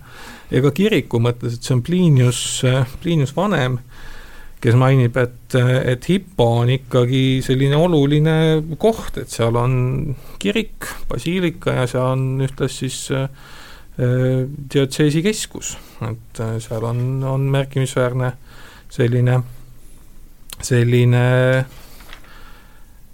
igal juhul juba kristlik kogukond on selgelt kanda kinnitanud, aga noh, loomulikult ka kõik teised, et sellise tüüpilise noh, Rooma impeeriumi noh, siiski piirkondlikult väga olulise linnana on, on seal igasuguseid tegelasi ja, ja see noh, samamoodi Kartaagos, et ja kui, kui Augustinus jõuab äh, Kartaagosse, siis ta on seitseteist, noh, noor mees Äh, ema oli tal, äh, noh, pihtimustest äh, saame sellest kõige rohkem teada, et ema oli tal harras, harras kristlane siiski. Isa mitte, isa oli selline tüüpiline omaja inimene võib-olla, kes noh, natukese huvitus sellest ristiti surivoodil, mis oli ka täiesti tavaline tol ajal. isa siis? jah, isa jah. igaks juhuks. igaks juhuks veel noh, nii nagu keiser Konstantinuski, et, et noh, see on seotud sellega, et, et oli, oli väga selgelt kujunenud arusaam, et kuna noh, ristimises saadakse kõik patud andeks, siis oli noh, absoluutselt mõistlik seda teha sel hetkel, kui pärast ei olnud enam aega neid juurde tekitada mm. -hmm. nii et, et, et selline jah, noh, Kartaagosse jõudes noh, asub ta elama sellist noh, kuidas nüüd öelda, hedonistlikku elu üsnagi, et ema on tal tohutult nördinud sellest muidugi, et seal võtab seda, mis võtta on, hakkab seal kokku elama siis äh, oma noh, ma ei teagi, kuidas oleks õigem öelda, elukaaslasega, kellega ta tegelikult pikalt, pikalt, pikalt ju, ju koos elab, viisteist aastat, aga mis noh, võib-olla sellest isegi rohkem kindlasti tal ema häirib, sest noh, sellised noh, ütleme reguleerimata äh, reguleerimata, aga noh, monogaamsed suhted olid tavalised, neid, nendega lepiti. Äh, ema, ema häirib muidugi oluliselt rohkem see, et, et äh, Kartaago on see, kus, äh, kus Augustinus pöördub Manilusse. et, et mani, manilaste kogukond on seal märkimisväärne ja, ja sellesse, sellesse noh, kuna ta otsib kogu aeg midagi siis äh, sellises dualistlikus maniluses ta leiab sellise esimese, esimese astme nagu lahenduse sellele probleemile, et miks, miks mm, -hmm. miks kurjus on olemas ja kõik muu, et ongi mingisugune kuri, kuri äh, substants siin maailmas, mis, mis seda tekitab kõike. ja noh, mida tuleb muidugi öelda, on see, et, et manilaste selline noh, manilus äh, jagunes kahele astmele, et, et olid eh, need, keda nimetati kuulajateks, auditoores, kes siis olid noh, nii-öelda õppijad. Et ja nende ülesanne oli siis selles kogukonnas te tegeleda selliste noh, teha ka selliseid, täita ka selliseid ülesandeid, mida siis neile päris pühendunutele kohaseks ei peetud, ja siis oli see noh, need, kes olid siis juba, juba pühendunud, nimetati elekti ehk valitud, noh, nemad elasid äh, selliste päris rangete, rangete reeglite järgi, mille juurde käis tsölibaat ja taimetoitlus ja ja, ja veel hulk regulatsioone, et noh, Augustinus nende valitute hulka kunagi tegelikult ei tõusnud, et, et siis, kui ta see on siis nende preesterkond enam-vähem midagi taolist mitte päris, et, et neil on veel omaette selline noh, võiks öelda nagu kirikustruktuur, et et Augustinus ka, kui ta on terve hulk küsimusi, siis talle sageli kinnitatakse, et vot kui tuleb see, noh, manilaste piiskopiks nimetatakse Faustus, et siis, siis tema oskab vastata. Et, et selline preesterkond või struktuur on veel eraldi, aga et, et valitud ongi siis lihtsalt sellised noh, päriselt pühendunud. et et nende hulka Augustinus ei, ei jõua, sellepärast et ta on veel kuulaja, kui ta kohtub sellesama äh, piiskop äh, Faustusega siis, kes, kelle puhul ta nendib, et tõeliselt hea kõnemees, aga nagu küsimustele päriselt ei vasta. ja, ja ajapikku noh, see Manilus enam ei paku talle väga midagi. Et äh, noh, kui ta on seal Kartaagos, siis ta on õppinud, ta veel töötab retoorikaõpetajana, mille ta jätab küll lõpuks ära, sellepärast et õpilased ei ole, ei ole alati väga toredad, üks selliseid aktiivseid põhjuseid oli see, et, et siis oli kombeks, et, et siis õpetajale maksti, maksti siis, kui noh, kui ütleme siis kursus läbi sai. aga et hästi palju oli, oli neid, kes äh, noh, vahetult enne lõppu ütles, et nagu tegelikult ikkagi enam tööd editoridega oli keeruline. jah, ja mõned lihtsalt jätsid maksmata ja see kõik äh, tüütab ära. ja kolmesaja kaheksakümne kolmandal aastal ta siis tegelikult äh, siirdub Rooma. et äh, noh, Rooma on siis, Roomast on üsna lühikest aega, sest ta kolmekümne kaheksa, kolmesaja kaheksakümne neljandal aastal juba kutsutakse Milanosse, et äh, ka just retoorika õpetajaks. ja, ja Roomas olles siis on noh, et see on see nagu murdepunkt, kus ta enam noh, selle manilusega päris sellist kontakti enam ei leia, ta hakkab otsima midagi muud, satubki sinna noh, filosoofide juurde pigem noh, neoplatonistide ringi, otsi-, otsib seda oma õiget asja sealt. ja Milanos, noh, kristlus ei ole talle võõras, mitte, mitte kuskilt otsast, et ta on sellega kogu aeg kokku puutunud, tema on kristlane, ta on korduvalt mõelnud, et noh, või, võib-olla see on see lahendus, aga noh, midagi jääb alati nagu kraapima, et kas tundub pühakiri ebaloogiline või mingisugune konkreetne element äh, uskumustest, et noh, see ei lähe. Milanos ta satub kuulama siis Milano Ambrosiust, kes noh, kes siis osutub äh, veenvamaks võib-olla kui need varasemad. ja, ja siis noh, algab selline vaikne nagu nihkumine ikkagi noh, siis äh, kiriku, kiriku suunas. ma teeksin korraks väikse mm, enne kui me nüüd edasi läheme selle elukäiguga, et äh, see Manilus tundub, kes minu arust avas tsitaadist läbi, et teeme siin väikese mm -hmm. vahepeatuse, et mis me sellest, mis sul, Jaan, tuleb Manilusega? Oli see soratrismis, sorastrismis kuidagi? no ta on sarnane, sarnane, aga ta on ikkagi ei saa vist küll öelda, et ta on otse, otse sellest, ta on lihtsalt analoogne mm. -hmm. aga Manilosi allikad, see on vist eraldi teema. ega ma ei saa palju muud öelda, et kui see, et see kuulus, kuulus öö, Augustinuse neoplatonism on just tegelikult ju vastus Manilusele, aga mulle mhm. tundub, et Aha. Rauno juba ka ütles vist seda juba, juba isegi rohkem kui ühe lause. Augustinuse neoplatonism on vastus Manilusele? jah, et see, aga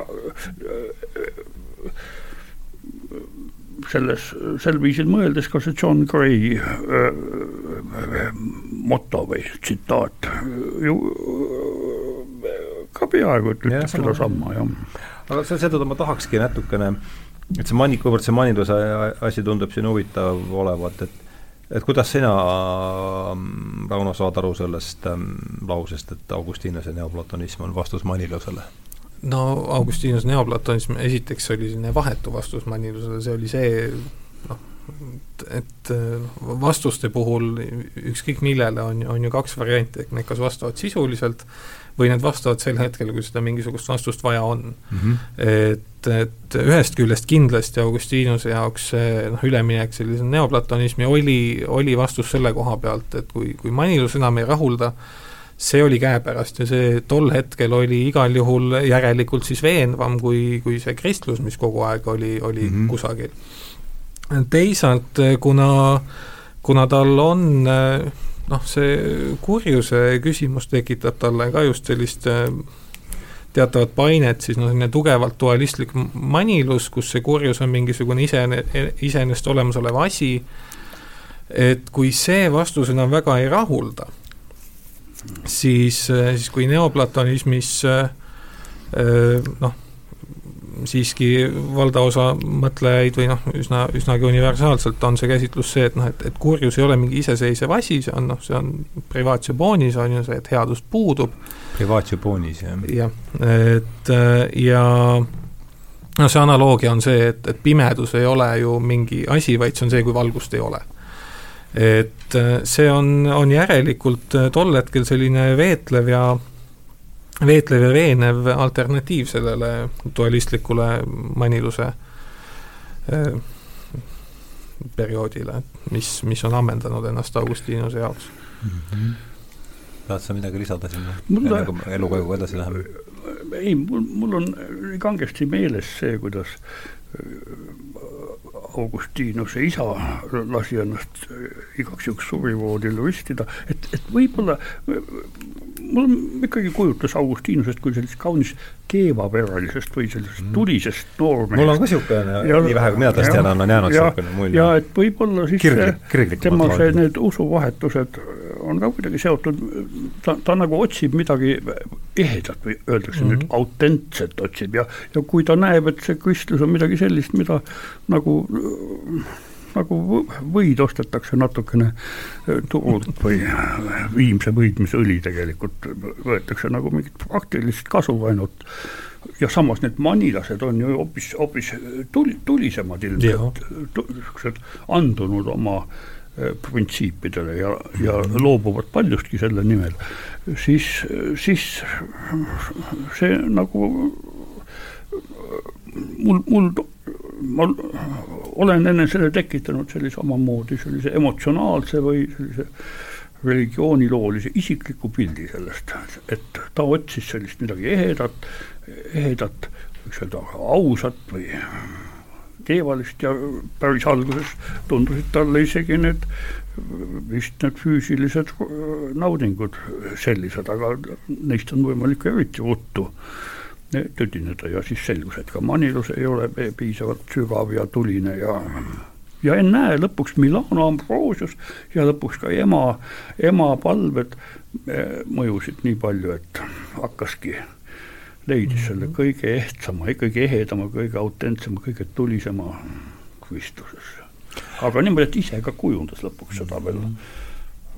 omaenese ütle palun veel sünniaasta oli kolmsada viiskümmend neli. sünniaasta oli jah, viiskümmend neli jah. nii et ta on siis, kui ta on kolmsada viiskümmend neli, siis ta on ju kolmekümnenda, kui ta Ambrosiaga see kokku saab, siis ta on kolme, kolmekümnenda künnisel ja ja ta Aga... rist, ristitakse kolmesaja kaheksakümne seitsmendal aastal, et, et tegelikult siis noh, kolmsada viiskümmend neli, kolmsada kaheksakümmend seitse, see on juba äh, kolmkümmend kolm. just, Krist-, Kristuse iga, võiks öelda.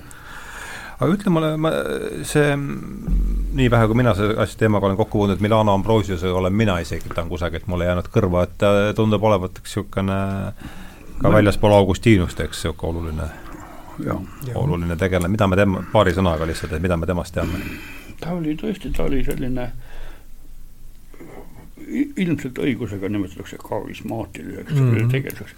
Bertrand Russell oma filosoofia ajaloos nimetab kolme arvesse tulevat ladina kirikuisa, Kreeka kirikuisasid on muidugi nüüd äh, must, mustmiljon, ei noh, hea küll, musttuhat, aga, aga äh, need kolm ladina isa, kes nimetamist väärivad, on kõigepealt muidugi Augustinus, siis teiseks Hieronüümus, see on siis tuntud piiblitõlkija, ja kolmandaks Milano piiskop Ambrosius, kelle kohta ei olegi Russellil midagi palju enamat öelda, kui et ta on retoorikas väga, väga tugev või vähemalt ma ei mäleta midagi iseäralikku mm. muud peale selle. no muidugi on üks, üks anekdoot, inglise, inglise mõttes anekdoot Ambrosiuse kohta see, kuidas, kuidas Augustinus hämmeldusega näeb, et Ambrosius loeb vaikselt, et seda ei ole, seda ju ah, see on tema, seda, see on Ambrosiuse kohta. aga see ei ole see ei ole vist see, mille pärast teda kolmandaks tähtsaks ladina kiriku isaks peetakse, vaid, vaid need lühidalt minu vastuse küsimusele on ei oska, ei oska. aga igatahes kohtumine Ambrosiusega on murrangulise kohtumine Ambrosiusega selles mõttes kindlasti on, on jah, äärmiselt olulise tähtsusega, et et, et kui varem see kristlus on, on mingit pidi nagu ikkagi kraapis, noh kahtlemata, et noh, et see ilmselt see satub sellisesse, sellisele sobivale ajale, et on noh, jätkuvalt need äh, karmid otsingud käivad, see, see tundub tol hetkel midagi veenvat, aga noh, siin, siinkohal jah, et, et kui seda karismaatilisust mainiti, siis siis noh, tulebki arvesse võtta ilmselt ka seda, et, et Augustinus ise oli tuntud äh, väga tugeva retoorikuna, ta oli noh, teda kutsuti Põhja-Aafrikast Itaaliasse, Rooma, Milanosse retoorika õpetajaks mm -hmm. ja Augustinus ise ütleb, et vot Ambrosius, see on noh, see tüüp oskab ehk ta on siis, mõlemad on silmapaistvad kõnemehed äh, Kindlasti. eesti keeles? ja, ja Ambrosiuse järelikult siis oma, oma sellise kõneosausega noh, suudab, suudab ka selle kristliku sõnumi Augustinusele noh, söödavaks teha selle hetkel mm. -hmm. et et kuigi jah, sealt Milanosse jõudmisest äh, ristimiseni läheb veel mitu aastat, siis see, see ei olnud ka mitte kuidagi ebatavaline tol ajal. nii et äh, selline, sellise aktiivse pöördumissündmusena tegelikult küll Augustinus on ise nimetanud, et noh, see on, on kak-, kaks, kaks sellist äh, lugu, üks on see tuntud lugu, mida ikka räägitakse, teine on selline noh, vahetu, mis, mis niimoodi veel tõukas, et kolmesaja kaheksakümne kuuendal aastal äh, kui ta on küll juba Ambrosiust kuulanud, ta on, on, on kirikus käinud, ta on siis juba katehumeen, et, et selline noh, klõps käib ära siis, kui ta loeb kõrbeisa Antoniuse elulugu kas see on nüüd see tuntum episood või see on nüüd see, see on nüüd see vähem tuntum. et, et ta loeb kolmsada kaheksakümmend kuus äh, jah, loeb äh, kõrbeisa Antoniuse elulugu ja noh, teda rabab ka just selline pühendumus. et pühendumus, selline loobumine ja see on äh, ja see on nüüd tegelikult üleüldse selline noh, huvitav joon, mis, mis Augustinuse puhul ikka kordub, et noh, et samamoodi manil-, maniluses need valitud peaksid siis noh, paljustki loobuma, teda inspireerib tohutult eh, see Antoniuse elulugu, ehm, noh, hiljem veel kui ta, kui temast saab eh, preester, noh, kuidas ta äh, kuidas ta asjadele läheneb, aga noh, samas, et noh, kui see keevalisus siin enne tuli, tuli teemaks, et ühest küljest ongi, et see on selline ideeline keevalisus ja ma lähen ja otsin, aga noh, Augustinus ise pihtimustes noh, ei varja seda, et, et ega ka sellised maised rõõmud olid talle ikkagi väga meeltmööda, see noh, see palju tsiteeritud, et, et issand, tee mind karskeks, aga mitte, mitte veel. ja, ja noh, see, see tuntum selline lugu on siis see, et kus ta kus ta siis äh, on ja mõtleb ja ja, ja siis kuuleb lapse häält, mis ütleb tolle leege, et võta ja loe. Äh, ja, ja ta kuuleb seda mitu korda, tema esimene mõte on see, et noh, et lapsed mängivad tänaval, et äh, ja siis ta jääb mõtlema, et, et noh, mis mäng see selline on, kus lapsed ütlevad võta ja loe. sellel ajal paneb seda ajastu konteksti veel ka ja, ja lõpuks äh, ta siis seostab seda sellega, et see on ikkagi noh, et kui lapse hääl, siis see on noh, Jeesus laps või vähemalt, et see on selline kõrgemalt poolt antud äh, korraldus, et võta ja loe, ta võtab äh, Pauluse kirjade raamatu, teeb selle lahti suvalise koha pealt. see on Rooma kirjast, avaneb raamat ja, ja siis see, see kirjakoht, no see olemas siin ka, et Rooma, Rooma, siis Pauluse kirjast roomlastele kolmteist, peatükk kolmteist, salmid kolmteist, neliteist, eh, mida Augustinus loeb, on, eh, tsiteerin, elagem kombekalt nagu päeva ajal, mitte prässimises ega purjutamises, mitte kiimaluses ega kõlvatuses, mitte riius ega kadeduses, vaid rõivastuge issanda Jeesuse Kristusega ja ärge tehke ihu eest hoolitsemisest himude rahuldamist. ja, ja see paneb veel sellise viimase põntsu ära, et noh, selline noh, vee-, veenab, veenab lõplikult, et, et, et see aga see oli siis tema see murrangusalm? see oli see murrangusalm, jah mm. -hmm. et äh, mitte noh, võiks arvata, et sellise usulise murrangu toob kaasa võib-olla midagi, mis noh, vahetult sellisele usule viitab, ei, Augustinusel see on konkreetselt selline noh, käitumiskorraldus mõnes mõttes mm. -hmm. ja, ja see, selle käib see noh, päris klõps ära.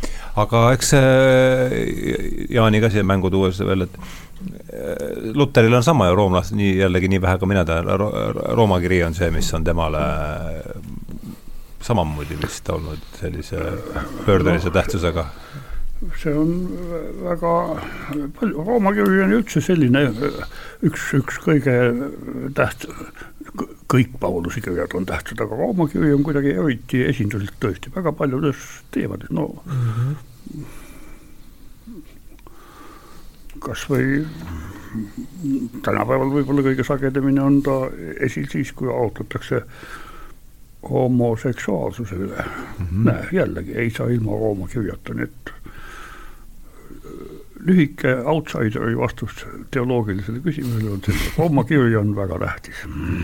aga mis, äh, mis pool, mis teeb Rooma kirja just äh, jällegi väikse sellise kõrvalepõikena? noh, nagu Jaan ütles, Rooma kiri üleüldse kipub kuidagi esile tulema ja Augustinus äh, Augustinus üleüldse, mitte ainult Rooma kiri, et talle on Pauluse kirjad märkimisväärselt olulised. noh, siis on noh, nüüd on see koht, et tal on nad kõik olulised tõesti, aga ka näiteks oma selle pärispatu õpetuse, millal vist jõuame sinna, aga aga sellele, sellise aluse ta leiab just Rooma kirjast hmm.. et Aha. kas seda salmi, pärispatu salmi? jah, see on noh, pärispatu õpetuse selline piibellik põhjendus on, on tegelikult nagu paljude arvates ikkagi lahja et, et hästi on noh, raske on seda sealt välja lugeda ja Augustinus selle ometigi ehitab ja see kirjakoht, see vajab hiljem natukene selgitust, aga et see kirjakoht, millel ta sinu pärispatu õpetuse rajamisel toetub, on siis äh, roomlastele viis kaksteist, äh, sellepärast nii, nagu üheainsa inimese kaudu on patt tulnud maailma ja patu kaudu surm, nõnda on ka surm tunginud kõikidesse, kuna kõik on pattu teinud mm. -hmm. See on nüüd tegelikult keerulisem kui see, see on nüüd praegune Eesti tõlge, aga mida me peame arvestama üleüldse, kui, kui näiteks Augustinuse töödes, kui tsiteeritakse piiblit, siis Augustinus kirjutab ajal, kui seda ladina piiblit Vulgatat veel ei ole et seda millal see tuleb? seda tõlgitakse paralleelselt paralleelselt jah, Hieronymus tõlgib seda Augustinuse mm -hmm. eluajal. okei, nad on kaasaegsed. et aga Paulus kasutab neid, noh, tegelikult see on selline komplekt liikuvaid ladina tõlkeid, noh, koondnimel nimetatakse Veetus Latina, et vana, vana ladina siis, ja nii palju, kui siis äh, noh, üsna, üsna selline levinud arusaam on see, et tegelikult äh, Augustinus äh, selle kirja koha peal oma pärispoolt õpetuse ehitab igasele tõlkele. et noh, eesti keeles on seal noh, kõik on pattu teinud, seetõttu on noh, suurem tunginud kõikidesse, aga Augustinus, mida tema omal ajal välja loeb, on see, et et, et üheainsa inimese kaudu on patt tulnud ja siis selliste äh, noh, pisikeste noh, pisikesed keelelised detailid panevad teda, seda lugema välja nii, et et, et ka selles ühes ainsas inimeses on kõik pattu teinud, et noh, et, et Aadam, Aadamas on kogu inimkond juba pattu teinud mitte et igaüks ise. sellepärast, et teisel-kolmandal sajandil terve suur hulk sellist olulisi kirikuisasti kirjami tegelikult äh, mitte ainult nad ei räägi, noh, tähendab, mitte nende tööst ainult ei puudu päris patuõpetus, vaid, vaid mõni võtab ka aktiivselt selle vastu, vastusõna tegelikult, et et ei saa nüüd öelda, et, et päris patt oleks, oleks mingisugune asi, et, et noh, Augustinus leeneb ladina kirikusest Tertullianus, kellel on, on see sellisel idee tasandil olemas Tertullianus on varasem, eks? Tertullianus on varasem jah, tei-, teise sajandi teine mm -hmm. pool, kolmanda algus. Et, et Tertullianus noh, tuletab selle siis sellest, et noh, sellist teatavast arusaamast, et inimese hing et, et noh, et see siis saab kokku tema vanemate hingedest, äh, mis tähendab seda, et noh, vanemate siis patt vähemalt osaliselt kandub edasi, aga kuna kõik on Aadama järeltulijad, siis noh, killukene on kõigil. Aga samas ongi teisel sajandil näiteks noh, Justinus Märter, noh, need on nüüd Kreeka kiriku isad küll kõik, aga Justinus Märter, kes, kes ütleb, et igaüks on oma pattudest noh, individuaalselt vastutav Äh, Ireneus äh, leiab, et noh, et mingi selline kollektiivne või edasiantud patusüü on olemas, aga see ei ole päris see, et see on ikkagi selline leebem asi, Aleksandr Clemens, teine-kolmas sajand, noh, teise teine pool kolmanda algus jälle, samamoodi ütleb, et noh, et igaüks teeb isiklikud patud, et sellist kollektiivset sellisel kujul noh, ei ole alust arvata aga Augustinus igal juhul selle välja loeb. ja, ja noh, kui tegelikult vaadata, siis et noh, Kreeka kirikuisad on just olnud need, kes on, on seda sageli eitanud, siis noh, sellise augustiinliku pärispatu õpetuse näiteks idakirikul on, on siiani tõsine probleem. Et ida- ja lääne kirik mõtestavad pärispattu veidi erinevalt mm. -hmm et kui Augustinusest tulenev selline lääne kiriku traditsioon on see, et päris patt on noh, on päritud süü mm, -hmm. siis, siis idakirikus domineerib pigem vaade, et, et päris patt on, on päritud karistus. ja, ja see on noh, tundub võib-olla selle nüansi vahe, aga tegelikult see on märki-, noh, suhteliselt märkimisväärne, et, et karistus on midagi, mida noh, tinglikult võiks saada noh, ka ebaõiglaselt aga süü ei ole. mis tähendab seda, et noh, siin, siin see läänes tekib just see süü aspekt äh, hästi tugevalt. noh, funktsionaalselt, äh, et kuidas lahendada, see on muidugi sama, aga aga just see alus või see, et millest see pärispatt siis väljendub, et see on ida- ja lääne kirikus veidi erinev tegelikult. ma saan aru, et see pärispatu mõte on, või see kõige olulisem on ikkagi see läänes on see, et on päritud süü. süü, just. see just see kollektiivsuse ja, ja, ja, ja pärituse Aadam ja Eeva tegid pattu, nende süü on meile pärandunud. ja, et see eelneb isiklikku midagi, mis siis eelneb, oled sa ja on selle ma olen nagu kohtanud selliseid, no ütleks lihtsustavaid tõlgendusi mm, -hmm. et, et see Aadama ja Eeva süü kuidagi kandub edasi just selle läbi sugulise paljunemise mehhanismi, et, et mhm. kuna me kõik oleme sugulises paljunemises selles ahelas tegevad ja, ja seal selle tegevusega kaasneb ka himu ja naudingud spetsiifilised ja see ongi üks, see põhimine, põhimine selle päris, noh, ütleks mm -hmm. rakendusmehhanism, rakendusmehhanism mm -hmm. nagu niisugune mitte lihtsalt ainult süü, vaid lausa tegevus, mis seda süüd kannab. aga noh, muidugi see, see on loetud mitte, mitte teoloogilisest, vaid sellisest võiks öelda kokkuvõttekirjandusest välja, et niimoodi saadakse selle, selle seletamisest laiale publikule võib-olla mõnikord üle, et mm -hmm jah, ei see mehhanismi kirjeldusena, see on noh, suhteliselt täpne, et, et Augustinus sõnastab selle küll nii, et noh, et et see patt, noh see, et kuidas see mehhanism igaühes eraldi töötab, on siis et kuna kõigi, kõigi noh, patu langemise tõttu inimestel on paratamatult siis noh, ladina sõnaga concupiscentia, mis noh, võiks tõlkida himu või iha, aga see otseselt tingimata ei tähenda veel noh, sageli mõtestatakse seda, et noh, et see on noh, seksuaalne iha.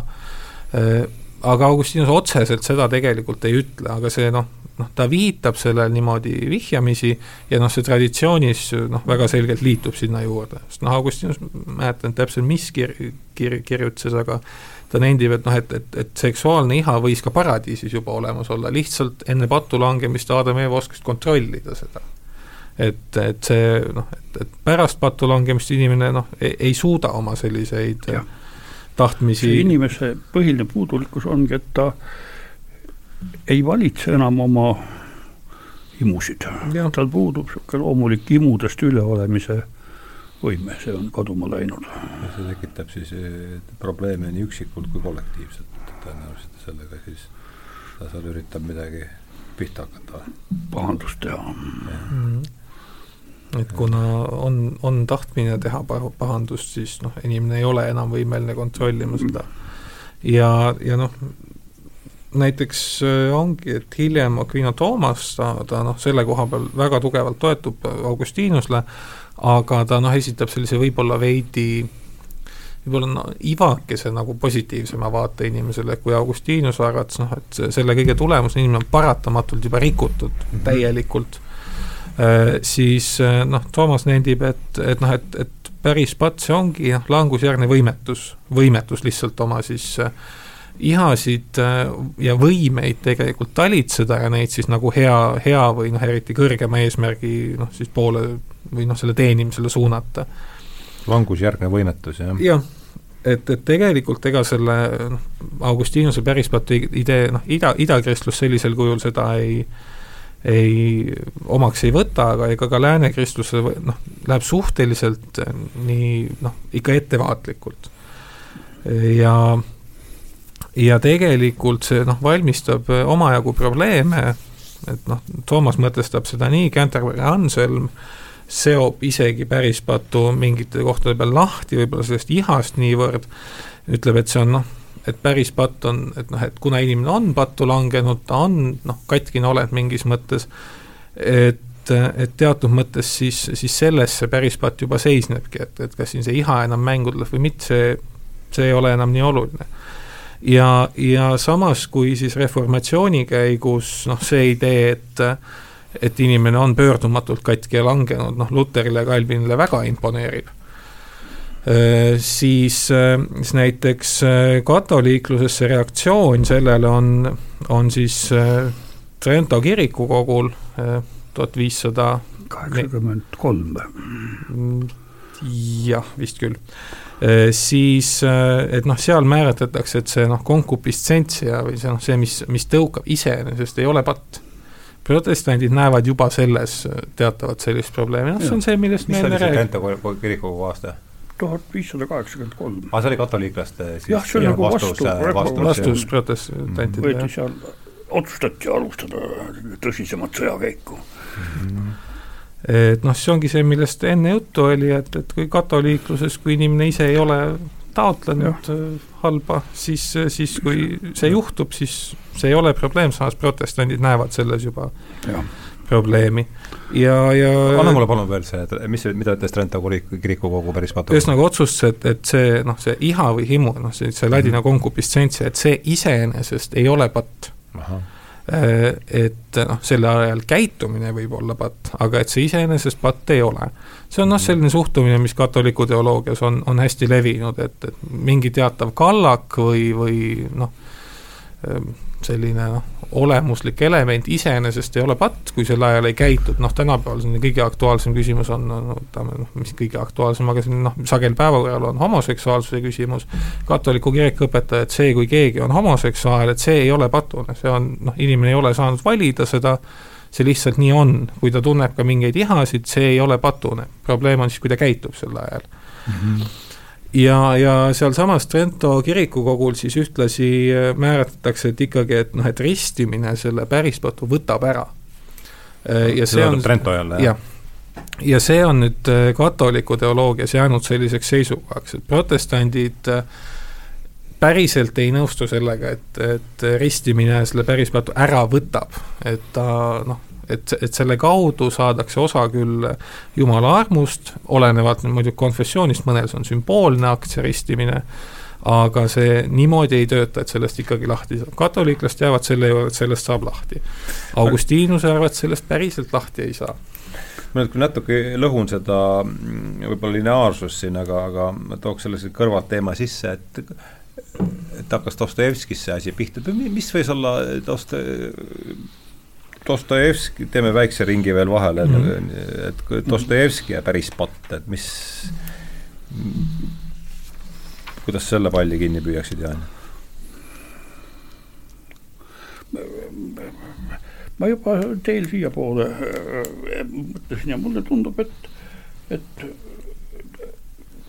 ta käitub seal nagu noh, nagu protestant, ta mõtleb mm -hmm. kogu aeg inimese isiklike, isiklike elamuste üle või vähemalt mõtleb palju rohkem selle isikliku äh, süü ja, ja patu peale, kui nüüd selle globaalse või kogu inimsoo äh, patususe mhm. peale. et ma selles suhtes jääksin, jääksin kõhkleme, et kas üldse, üldse on võimalik sõnastada tema suhtumist pärispatusse, üldse see pärispatt tundub selline, tundub selline spetsiifiline valik kristluses, sest meil on ju äh, sõbralikud äh, naabrid, muhameedlased, kes ka kõik teavad Aadamat ja Eevat, aga päris pattu nad ei, ei tunnista, nad ei leia, et, et seal islamis pole midagi sarnast? ei, ei ole mm, -hmm. et saab ilma, saab ilma ja, ja võib-olla äh, võib-olla see on ka ühtlasi vastus, kuidas, kuidas äh, Dostojevski saab sellest probleemist kuidagi üle, no ma ei ole ju ka nii, nii, nii asjatundlik, kindlasti on kuskil mõni koht, kus, kus ta räägib ka päris targalt, aga, aga ma ütleks, et pigem teda huvitab individuaal või siis süvapsühholoogia ja see ei ole, see ei ole see kategooria. see ei ole kogu mm -hmm. inimsoo selline globaalne psühholoogia. et päris patt et ega Dostojevski ka kõike ei jõudnud nähtavasti, ütleksin ma mm. -hmm. Rauno, tahad sa siin midagi lisada, enne kui me läheme ei, ma olen laias joontes Jaaniga nõus, et, et mulle on ka Dostojevskist jäänud mulje, et seal on ikkagi see isikliku, isikliku vastutuse küsimus on suurem, et noh, et kui Karamazovitele korra muidugi mõelda, siis noh, seda teost läbi muidugi selline ega noh, usu ja kahtlemise vahekorra küsimus, et noh, et võib-olla noh, hästi abstraktselt kuidagi servapidi oskaks ehk, ehk siduda sellist päris patu temaatikat sellega, et noh, et see kahtlus on kogu aeg olemas võib-olla. Mm -hmm. et, et, et us-, usk ei saa olla no, tingimata ise, alati noh, tõsikindel, et, et noh, või, võib-olla kuidagi sedapidi mm, -hmm. aga see ei tundu nagu selline noh, see tundus selline natuke venitatud nagu tõlgendus mm. -hmm. Üks koht, kus ma võib-olla olen selle päris patu teemani kõige enam jõudnud, on see, et vanake Zossima läheb mm -hmm haisema. tähendab tema surnuga, mm -hmm. just nagu see osutab, Sossimaa on ju peaaegu sama hea kui Aljoša ja on ju loomulik oodata, et selline peaaegu püha olend, noh, vähemalt mm -hmm. kas ei lõhna üldse või siis vähemalt meeldivalt pärast lõppu, pärast maiselu lõppu, aga enne ei, ei seda, et ma olen seda millalgi, millalgi või võib-olla lugenud kui vihjet inimsoo läbivale paturusele. aga samas jälle umbes samal ajal ma tutvusin vend Vahindra elulooga, kes tegelikult on, see on siis esimene Eesti budist, kes hiljem Birmas või siis kuidas nüüd seda öeldaksegi Tailandis, ei mitte Tailand, mis on Myanmar. Myanmar, aitäh, aitäh. Birma. jah, nojah, just. siis ta oli Birma. jah, et seal äh, ei läinud lehkama pärast maiselu lõppu. et selle kohta on nagu Statistikaameti tõend ka võtta kodal või? jah, et, et igatahes see, et Sossima läks ja vend Vahindra ei läinud haisema, see on no omamoodi nagu karikatuurne eh, meeldetuletus minule tol ajal, kui ma seda esimest korda lugesin, et et seda, kes on õige või kes on vale, kes on patlane või mitte, ei, ei ole meie mõistuse pärane asi, see, see käib omasoodu nojah, võib-olla tõesti see, et noh, idakiriku traditsioonis tegelikult on ju noh, on aktiivselt selline pärimus, et noh, et eriti pühad ei lähe haisema ja ei no, sä säilivad. Siima lugu töötab. just, et, et noh, võib-olla siis tõesti, et see, et noh, et vähemalt, vähemalt see on meil kõigil ühist, et ühel hetkel läheme haisema. no meil on, äh, ütleme nii, äh, uskuge või mitte, aga me oleme siin poolteist tundi juba koos äh, vestelnud, mis ja jälle läinud niikuinii juhti, et katsume ta poole tunniga kuidagi selle jutuajamise kokku saada, ma arvan, et üks võimalus seda vestlust niimoodi nüüd suunata lõppu ongi vaadata see elukäik läbi, et et sul on, ma saan aru, sul on märkmed tehtud, et võtame mingid olulisemad teetähised, et me saaksime nende ümber natukene niimoodi juttu ka veeretada, et ta ei läheks lihtsalt äh, noh, selles mõttes me Augustinuse ristimiseni juba jõudsime, kolmesada kolmsada kaheksakümmend seitse on ristimine jah, kolmsada kaheksakümmend kuus on see, kui see... ta loeb Antoniuse elulugu. kas see on seesama, kes on see kadunud asjade kaitsepühak või, Antonius või? tuleb, mul on kusagilt jäänud meelde.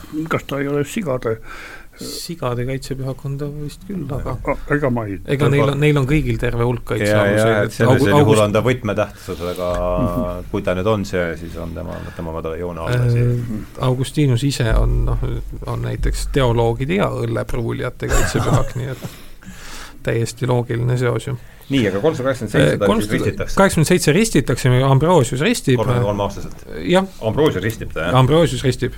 ja ta ristitakse seejuures, see on üks selline väike, noh, väike detail mõnes mõttes, mis noh, ütleme siis teoloogilise karjääri mõttes väike detail, eluloo mõttes loomulikult mitte, et et välja jäi see, et, et selle elukaaslasega, kellega ta viisteist aastat koos elas, tal oli poeg.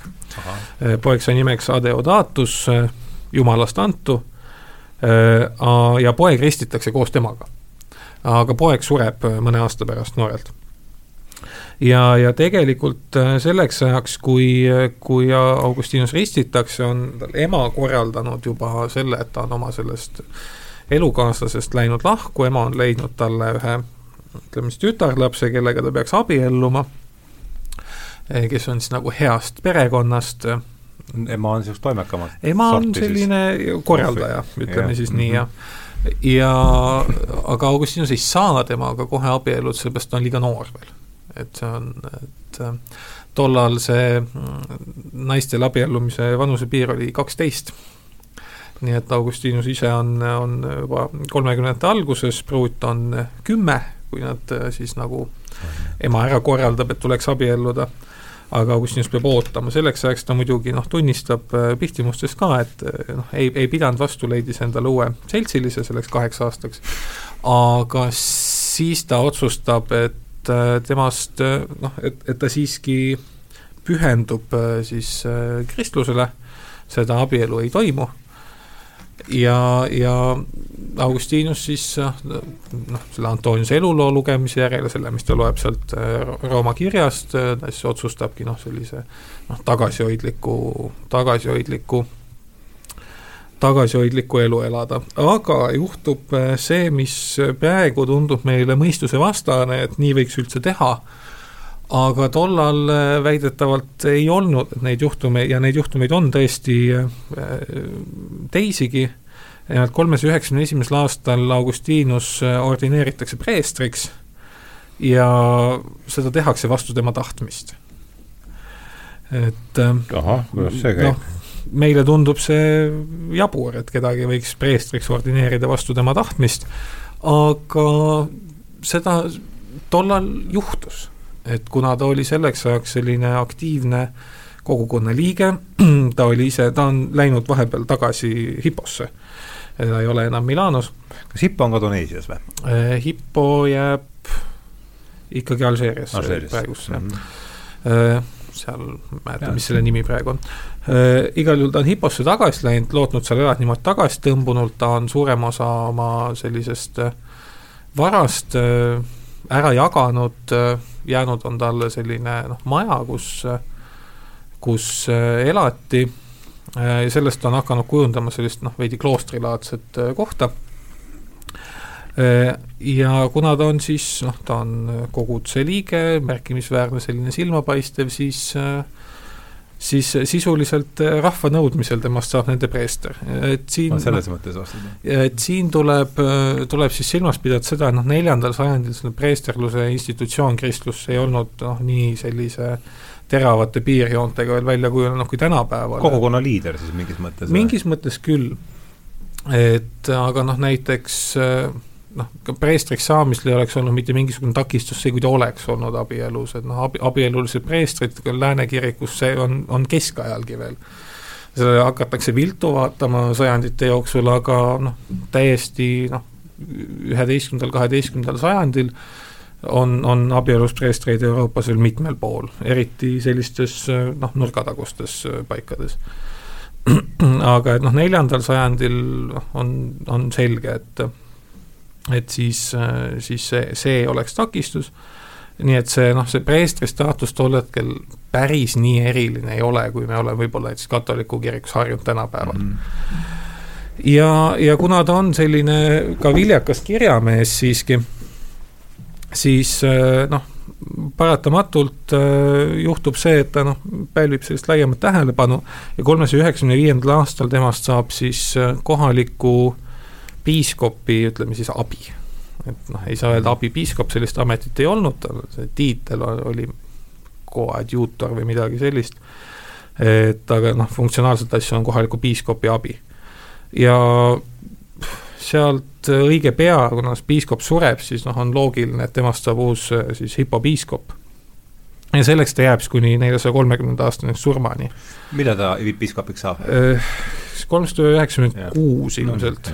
Aa, üsna kohe kiiresti. üsna kohe, see käib väga kiiresti mm. -hmm et ja neljasaja kolmekümnendal aastal ta sureb.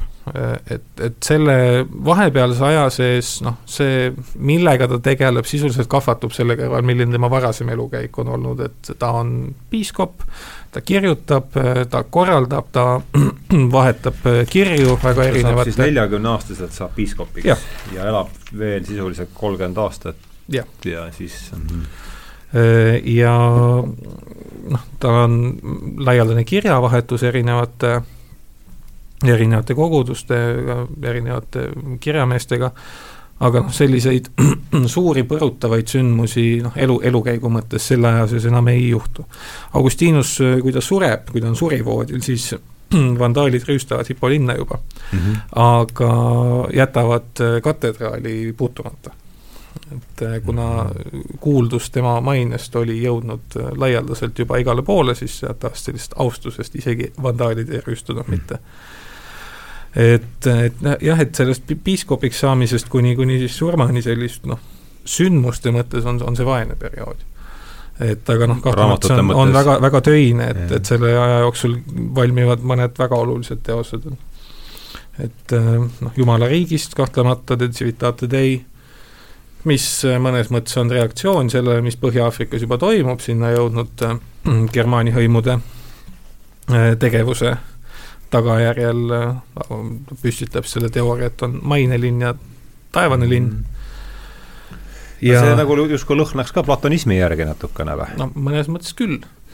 ta reageerib, ma ei mäleta, mis linna, see võis olla Rooma, Rooma, Rooma linna rüüstamisel reageerib näiteks, näiteks ka sellega, et, et noh, kui mõned seostavad seda näiteks jumaliku karistusega, et noh, jumal saatis need äh, vastikud kaela, siis noh, Augustinus äh, ehitab oma kahe linna teooria, ütleb, et noh, et, et inimlikust valitsemisest Jumal ei hooli sellisel kujul.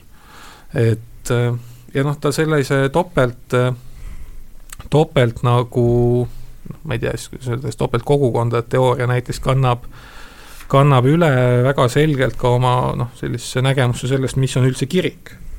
et noh, maapealne kirik, see nähtav kirik ja siis nähtamatu kirik on, on erinevad asjad.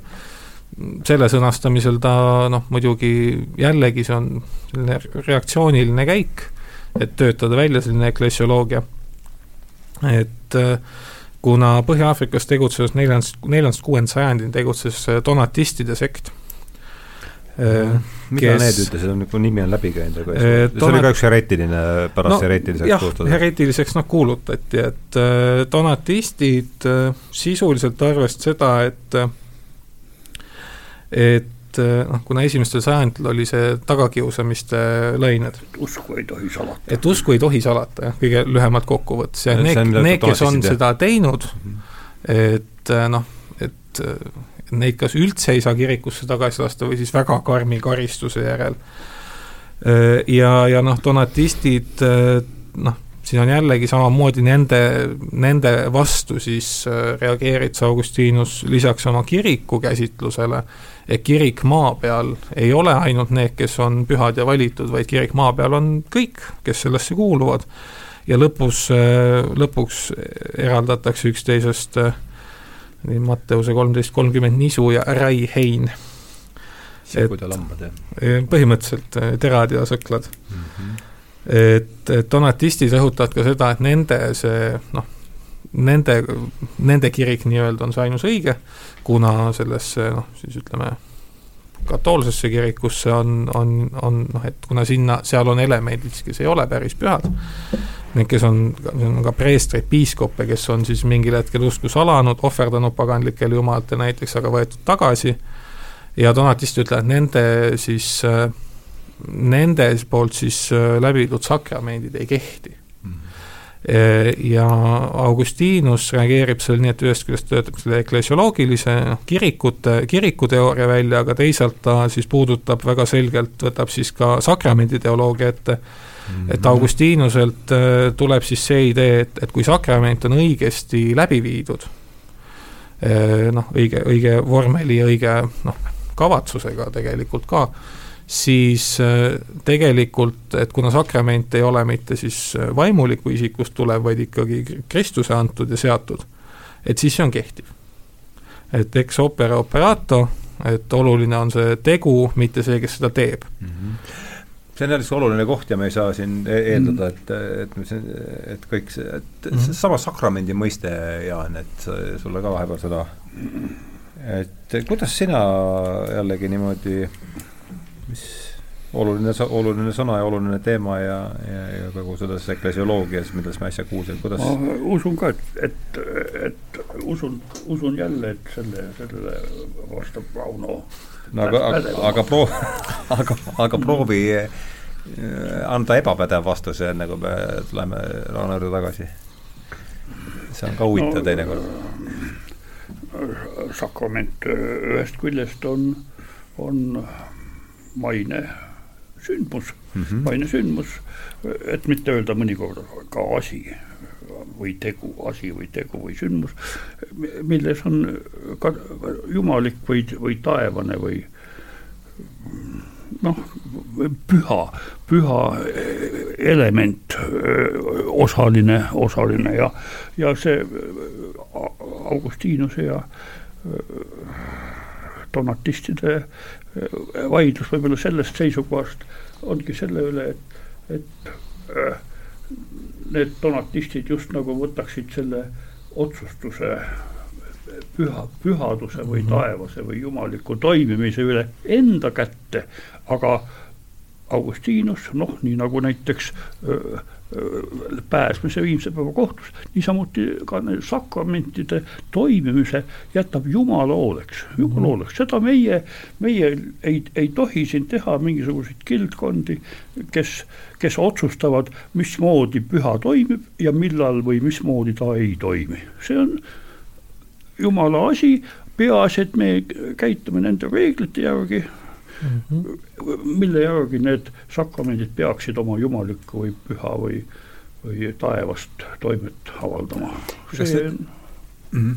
see on, see on see, mis on Jumala asi, see ei ole meie toimetada kas see, kas see sakramentide läbiviimise kord, kas see on nüüd eklesioloogia, kas eks sellega tegeleb eklesioloogia, eklesioloogia no, või, või see on või äh, hoopis liturgika see võib olla ka liturgika ja noh, eks selle taga on, on noh, ongi eraldi sakramendi teoloogia, et et noh, lühidalt noh, sak-, sakramendi, selle kohta, mis on sakrament, ma võiksin Jaani öelda lisada, et, et et sakrament siis on, on toiming, mille läbi siis mingis mõttes kõrgem saab meie maailmas siis kogetavaks mm. -hmm. et noh, teame, et, et katoliku kirikus on, on ju seitse sakramenti, vähemalt seda väljendit ollakse kuulnud, protestandid kärpisid nende arvu kahele, idakiriku arusaam siis see on siis ristimine armulaud? ristimine armulaud on protestantlus, jah. idakirikus salasuste arv, noh, ma ei tea, kas seda täpselt kokku loetaksegi, seal on mhm. erinevaid tõlgendusi, nende see arusaam on veidi teistsugune, aga näiteks Augustinuse noh, et, et kui me võtame, et noh, et, palju neid siis peaks olema, on ju seitse, protestantidel kaks, et, et reformaatorid kärpisid äh, sakramentide arvu või noh, õigupoolest mitte arvu, vaid need toimingud selleni, mille, mille puhul nad leidsid, need on Kristus ise seadnud, et ristimise ja armulaua, et seal on nagu noh, asjad, millega Kristus tegeles mingit pidi. katoliku traditsioonis, kuna katoliiklaste jaoks on pühakiri ja traditsioon sellised, mõlemad on usuallikad, protestandid lähtuvad ennekõike pühakirjast mm, -hmm. see on oluline, eks ole, siis siis noh, traditsioonist tulenevalt, lähtudes sellest, et apostlite kaudu on kirikule usaldatud siis eh, teatav autoriteet või õigus, et noh, siis on neid rohkem. et noh, seal on, on, on teised lisaks. ja, ja selline Augustinuse arusaam, et, et, et sakramendi toimimine ei sõltu siis inimesest et inimene ei ole see, kes määrab selle, kas see töötab, mida siis noh, donatistid tegelikult ütlesid mõnes mõttes, nagu Jaan ütleski, siis noh, see suhtumine on, on näiteks katoliku kirikus tänapäevani. et on, on variant, et sakrament viiakse, noh, see toiming viiakse läbi ja selle viib läbi inimene, kellel noh, kas kiriku õiguslikult või, või mõnd muud pidi ei ole õigust seda läbi viia, aga kuna selle noh, selle allikas on siiski see, mis on ülal, siis, siis see on toimiv mm. -hmm. ja see noh, see võib väljenduda selles, et noh, kuna katoliikluse arusaam näiteks preesterlusest on see, et kui keegi on preestriks pühitsetud käte peale panemisega, siis on noh, apostlitelt temani ulatuv selline teatav mm. meelevald, noh, see muudab tema isikut mõnes mõttes, et siis näiteks kui keegi on pühitsetud vaimulikuks ja siis mis iganes põhjusel kirikust ekskommunitseeritud, ta ei ole kirikuga osatses enam, siis näiteks tema, tema puhul need, kui tema viib läbi siis sakramente, siis need ei ole lubatud, need on kirikuõiguslikult illegaalsed, aga sisuliselt toimivad. Hmm.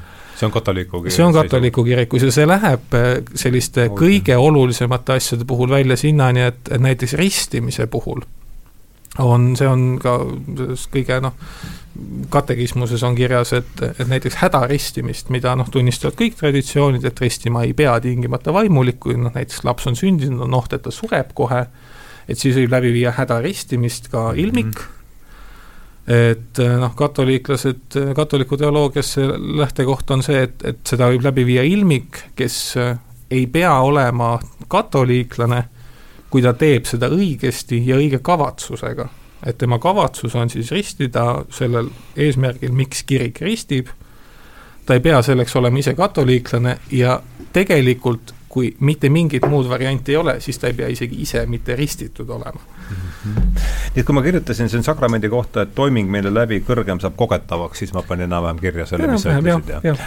nii, aga nüüd on küll niimoodi, et meil on uskumatu, et on jäänud kusagil veerand tundi selleks, et äh, nüüd ma saan aru, et äh, üheksakümmend viis sai tast piiskop ja siis ta muudkui kirjutab äh, kuni sureb no, kuni pastakas kirju, kukub. kirjutab ja teeb piiskopi tööd, jah. nii et siin noh, me peame need kolmkümmend aastat nüüd kuidagi viieteist minutiga kokku võtma ja üks võimalus seda teha on see, mis mulle jäi meelde Esa Saarineni sellest filosoofia õppekest, ta ütleb, et minu arust üsna seal alguses, Augustinusest äh, kõneleva peatüki alguses, tõenäoliselt pole ükski teine raamat peale Mark, Karl Marxi kapitali avald-, no ma tsiteerin Saarineni, et peale äh, Karl Marxi kapitali pole avaldanud äh, ma ei tea, tõenäoliselt ikkagi lääne mõtlemisele nii suurt mõju kui Augustinuse jumalariigist, et arutleks selle, ega me Saarise pähe ja me ei pruugi temaga ka nõustuda, aga ja Saarise pähe me ka ei pääse, aga üritaks vähemasti, mida ta võis selle all mõelda? kes tahab no, siit alustada? kõigepealt see on nii paks raamat, et ta jah, ta tõesti mõjub oma kaaluga, ta on, see on, see on ilmselge, aga samas seda on hea mitu köidet, eks ole? no ta on, ühes köites on ta ikka kõvasti üle tuhande lehekülje, aga aga võib-olla jah, mugav on mitmes köites seda välja anda mm. -hmm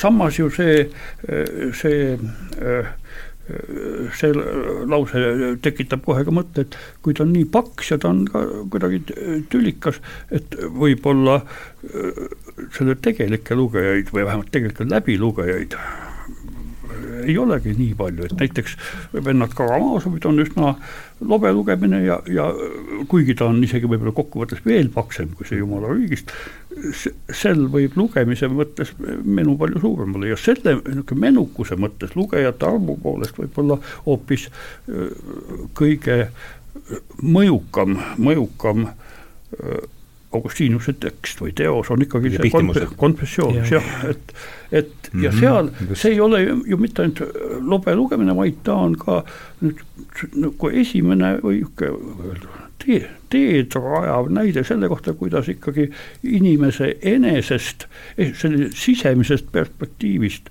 on võimalik noh, huvitavalt või oluliselt kõnelda ja võib-olla isegi see on jällegi üks mõõde, milles Augustinus on erakordselt sarnane Dostojevskil, sest kuigi noh, Dostojevski kõik romaanid, mõned on, aga mitte kõik ei ole just sellised esimesest vaatepunktist, isiku, esimese isiku vaatepunktist sellised isiklikud vihtimused, aga aga sügavamas mõttes on nad ikkagi tema isiklikud mõttekäigud või tema enda äh, probleemid. Nad, ma arvan, et selle traditsiooni algataja, mille võib-olla kõige nagu noh, emotsionaalselt mõjuvam väljendus võib-olla Dostojevski ongi, selle algataja on, ongi just Augustinus Euroopa kultuurist võib-olla. aga, aga see jumala kõigist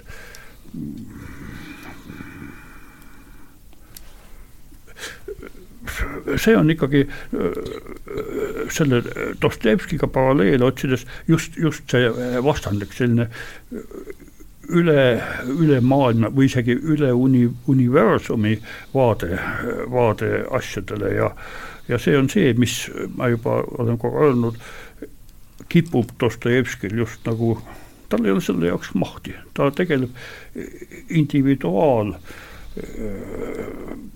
see perspektiiviga mm, -hmm. asjade mõistmisega ühe inimese seesmisest perspektiivist, noh nii nagu, nagu tema kaasaegsed Nietzsche või Kierkegaard seal teevad, kuigi ta nendega mis vist tuttav, tuttav ei ole ja seda enam on ta originaalne ja mõjukas, et, et nad teevad kõik mida, midagi sarnast, üksteisele sarnast, mis tuleneb sellest, et üldiselt ju see üheksateistkümnes sajand on selline äh, noh, ka ikkagi ratsionalismi ja progressi ja muid raskesti hääldatavaid asju asju nagu noh, üles kiita või populariseerida. et, et see, sellise üheksateistkümnenda sajandi ratsionalism tegelikult on ka oma kõige sügavama juure võib-olla pärinud hoopis Augustinuselt ja eriti sellest konfessioonist, aga konfessioonesist, aga, aga ma pakun küll, et jumala riigist kõneleks esimesena Rauno nii, aga, aga kohe ongi see võimalus oh,. selles mõttes, ega ma arvan, et Jaan tegelikult võttis üsna hästi kokku, et see jumala riigist on, noh, see on, kui ta on ühest köites, siis see on ikka paras klots, et et see on tõenäoliselt jah, üks neid raamatuid ikkagi, mille mille, millel tegelikult nii palju lugejaid ei ole, et, et kui see ja palju seda Kapitaligi läbi loetud? palju tegelikult sedagi on lugenud jah, et noh, neid, neid teoseid on veel, mida, mis on tohutult mõjukad ja võib-olla kõik isegi on neist kuulnud või vähemalt mingisuguses valdkonnas kõik on neist kuulnud, aga aga lugenud on tegelikult vähesed, noh, selliseid veel meenutada, siis noh, piibel on üks, mis kohe meenub. Et äh, aga noh, te tsiteerisite ei, iseenesest see ega selles mõttes äh, sellist äh, taevase ja maise äh, linna sellist pilti visandades, ega Augustinus tegelikult käsitleb seal tervet hulka, hulka, hulka teemasid, mis, mis, mis noh, on, on siiani ka aktuaalsed, et ja mille, mille selline püsivus nii kirikuõpetuses kui ka kultuuris laiemalt on olnud päris märkimisväärne, muuhulgas näiteks Augustinus on ju see, kelle, kes kujundab, kujundab tegelikult siis äh, välja selle õiglase sõja kontseptsiooni. see on te, te, te tsivitate teist või? jah, see, see on noh, tükati see ilmneb erinevates kirjutistes, aga see on, on ka seal juba. et ja, ja tema visandab selle noh, sellisel kõige lihtsamal kujul niimoodi, noh et kristlane tegelikult peaks olema patsifist sest noh, tema jaoks see määrav on see noh, taevane linn ikkagi, eh, jumal-linn, aga olukorras, kus eh, noh, ainus lahendus mingisugusele ebameeldivale olukorrale või noh, on, on vägivald, noh, see on noh, tüüpiline kaitsesõja põhjendus, on ju, et, et, et sellisel juhul tegevusetus tegelikult oleks patt mm. -hmm. sellepärast, et seeläbi noh, saab võib-olla veel rohkem hukka võib-olla see kahju on veel suurem. et, et noh, et kõigepealt seda, mis on üleval, aga et seda, mis on nagu siin, noh, ei tohi päris nagu unarusse jätta. et noh, ja selle kirikute, nähtamatu ja nähtava kiriku puhul ju samamoodi, et et, et lihtsalt see, et, et lõpuks terad sõkaldest eraldatakse, ei tähenda, et, et siin nagu nähtavas ruumis peab nagu igasugust lollust lubama et äh, mingisugused piirid peavad siiski olema ka nähtavas kirikus. et ei ole nii, et kõik, äh, kõik teevad seda, mis ise tahavad või usuvad seda, mis ise tahavad, sest noh, mitte sellepärast, et see peaks kuidagi keelatud olema, vaid noh, Augustiinuse ütleme siis nii, et ta otseselt ise sellest ei kirjuta, et aga noh, ta jätab lahti selle tee väga selgelt ja viitab sellele, et noh, et et usuline sundus näiteks ei pruugi üldse halb asi olla. sellepärast, et kui me armastame oma ligimest nii nagu iseennast, mis on noh, Kristuse antud käsk, siis noh, kui me tahame teisele kõike seda head, mida endale, noh siis me peaks ta sinna õigele teele lükkama lihtsalt.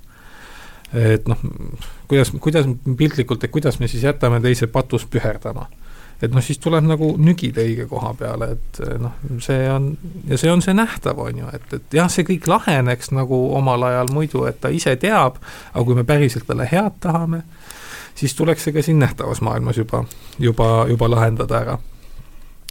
Ja, ja selles mõttes noh, see jumala riigist, seal tegelikult tohutult palju selliseid kõikvõimalikke ideid, mõnda menetleks hästi lühidalt, teisi jälle pikemalt aga noh, selle puhul, kui noh, rääkida, et see on, on mõjukas olnud, siis äh, kahtlemata, aga noh, ei, ei tohi unustada ära seda, mis, mis selle kontekst siiski on, et et äh, olukorras, kus äh, kus mainelinn on hädaohus mm, -hmm. siis, siis noh, on, on vaja ka seda sõnumit, et et selle teise linnaga ja see mainelinn on siis Rooma, mis on see mainelinn on jah, Rooma siis selleks hetkeks juba, jah mm. -hmm no aga kena, see oli oluline, oluline osundus ja, ja jah, et äh, olemegi siis kaks, kaks tundi on läinud ju märkamatult, minu jaoks vähemasti.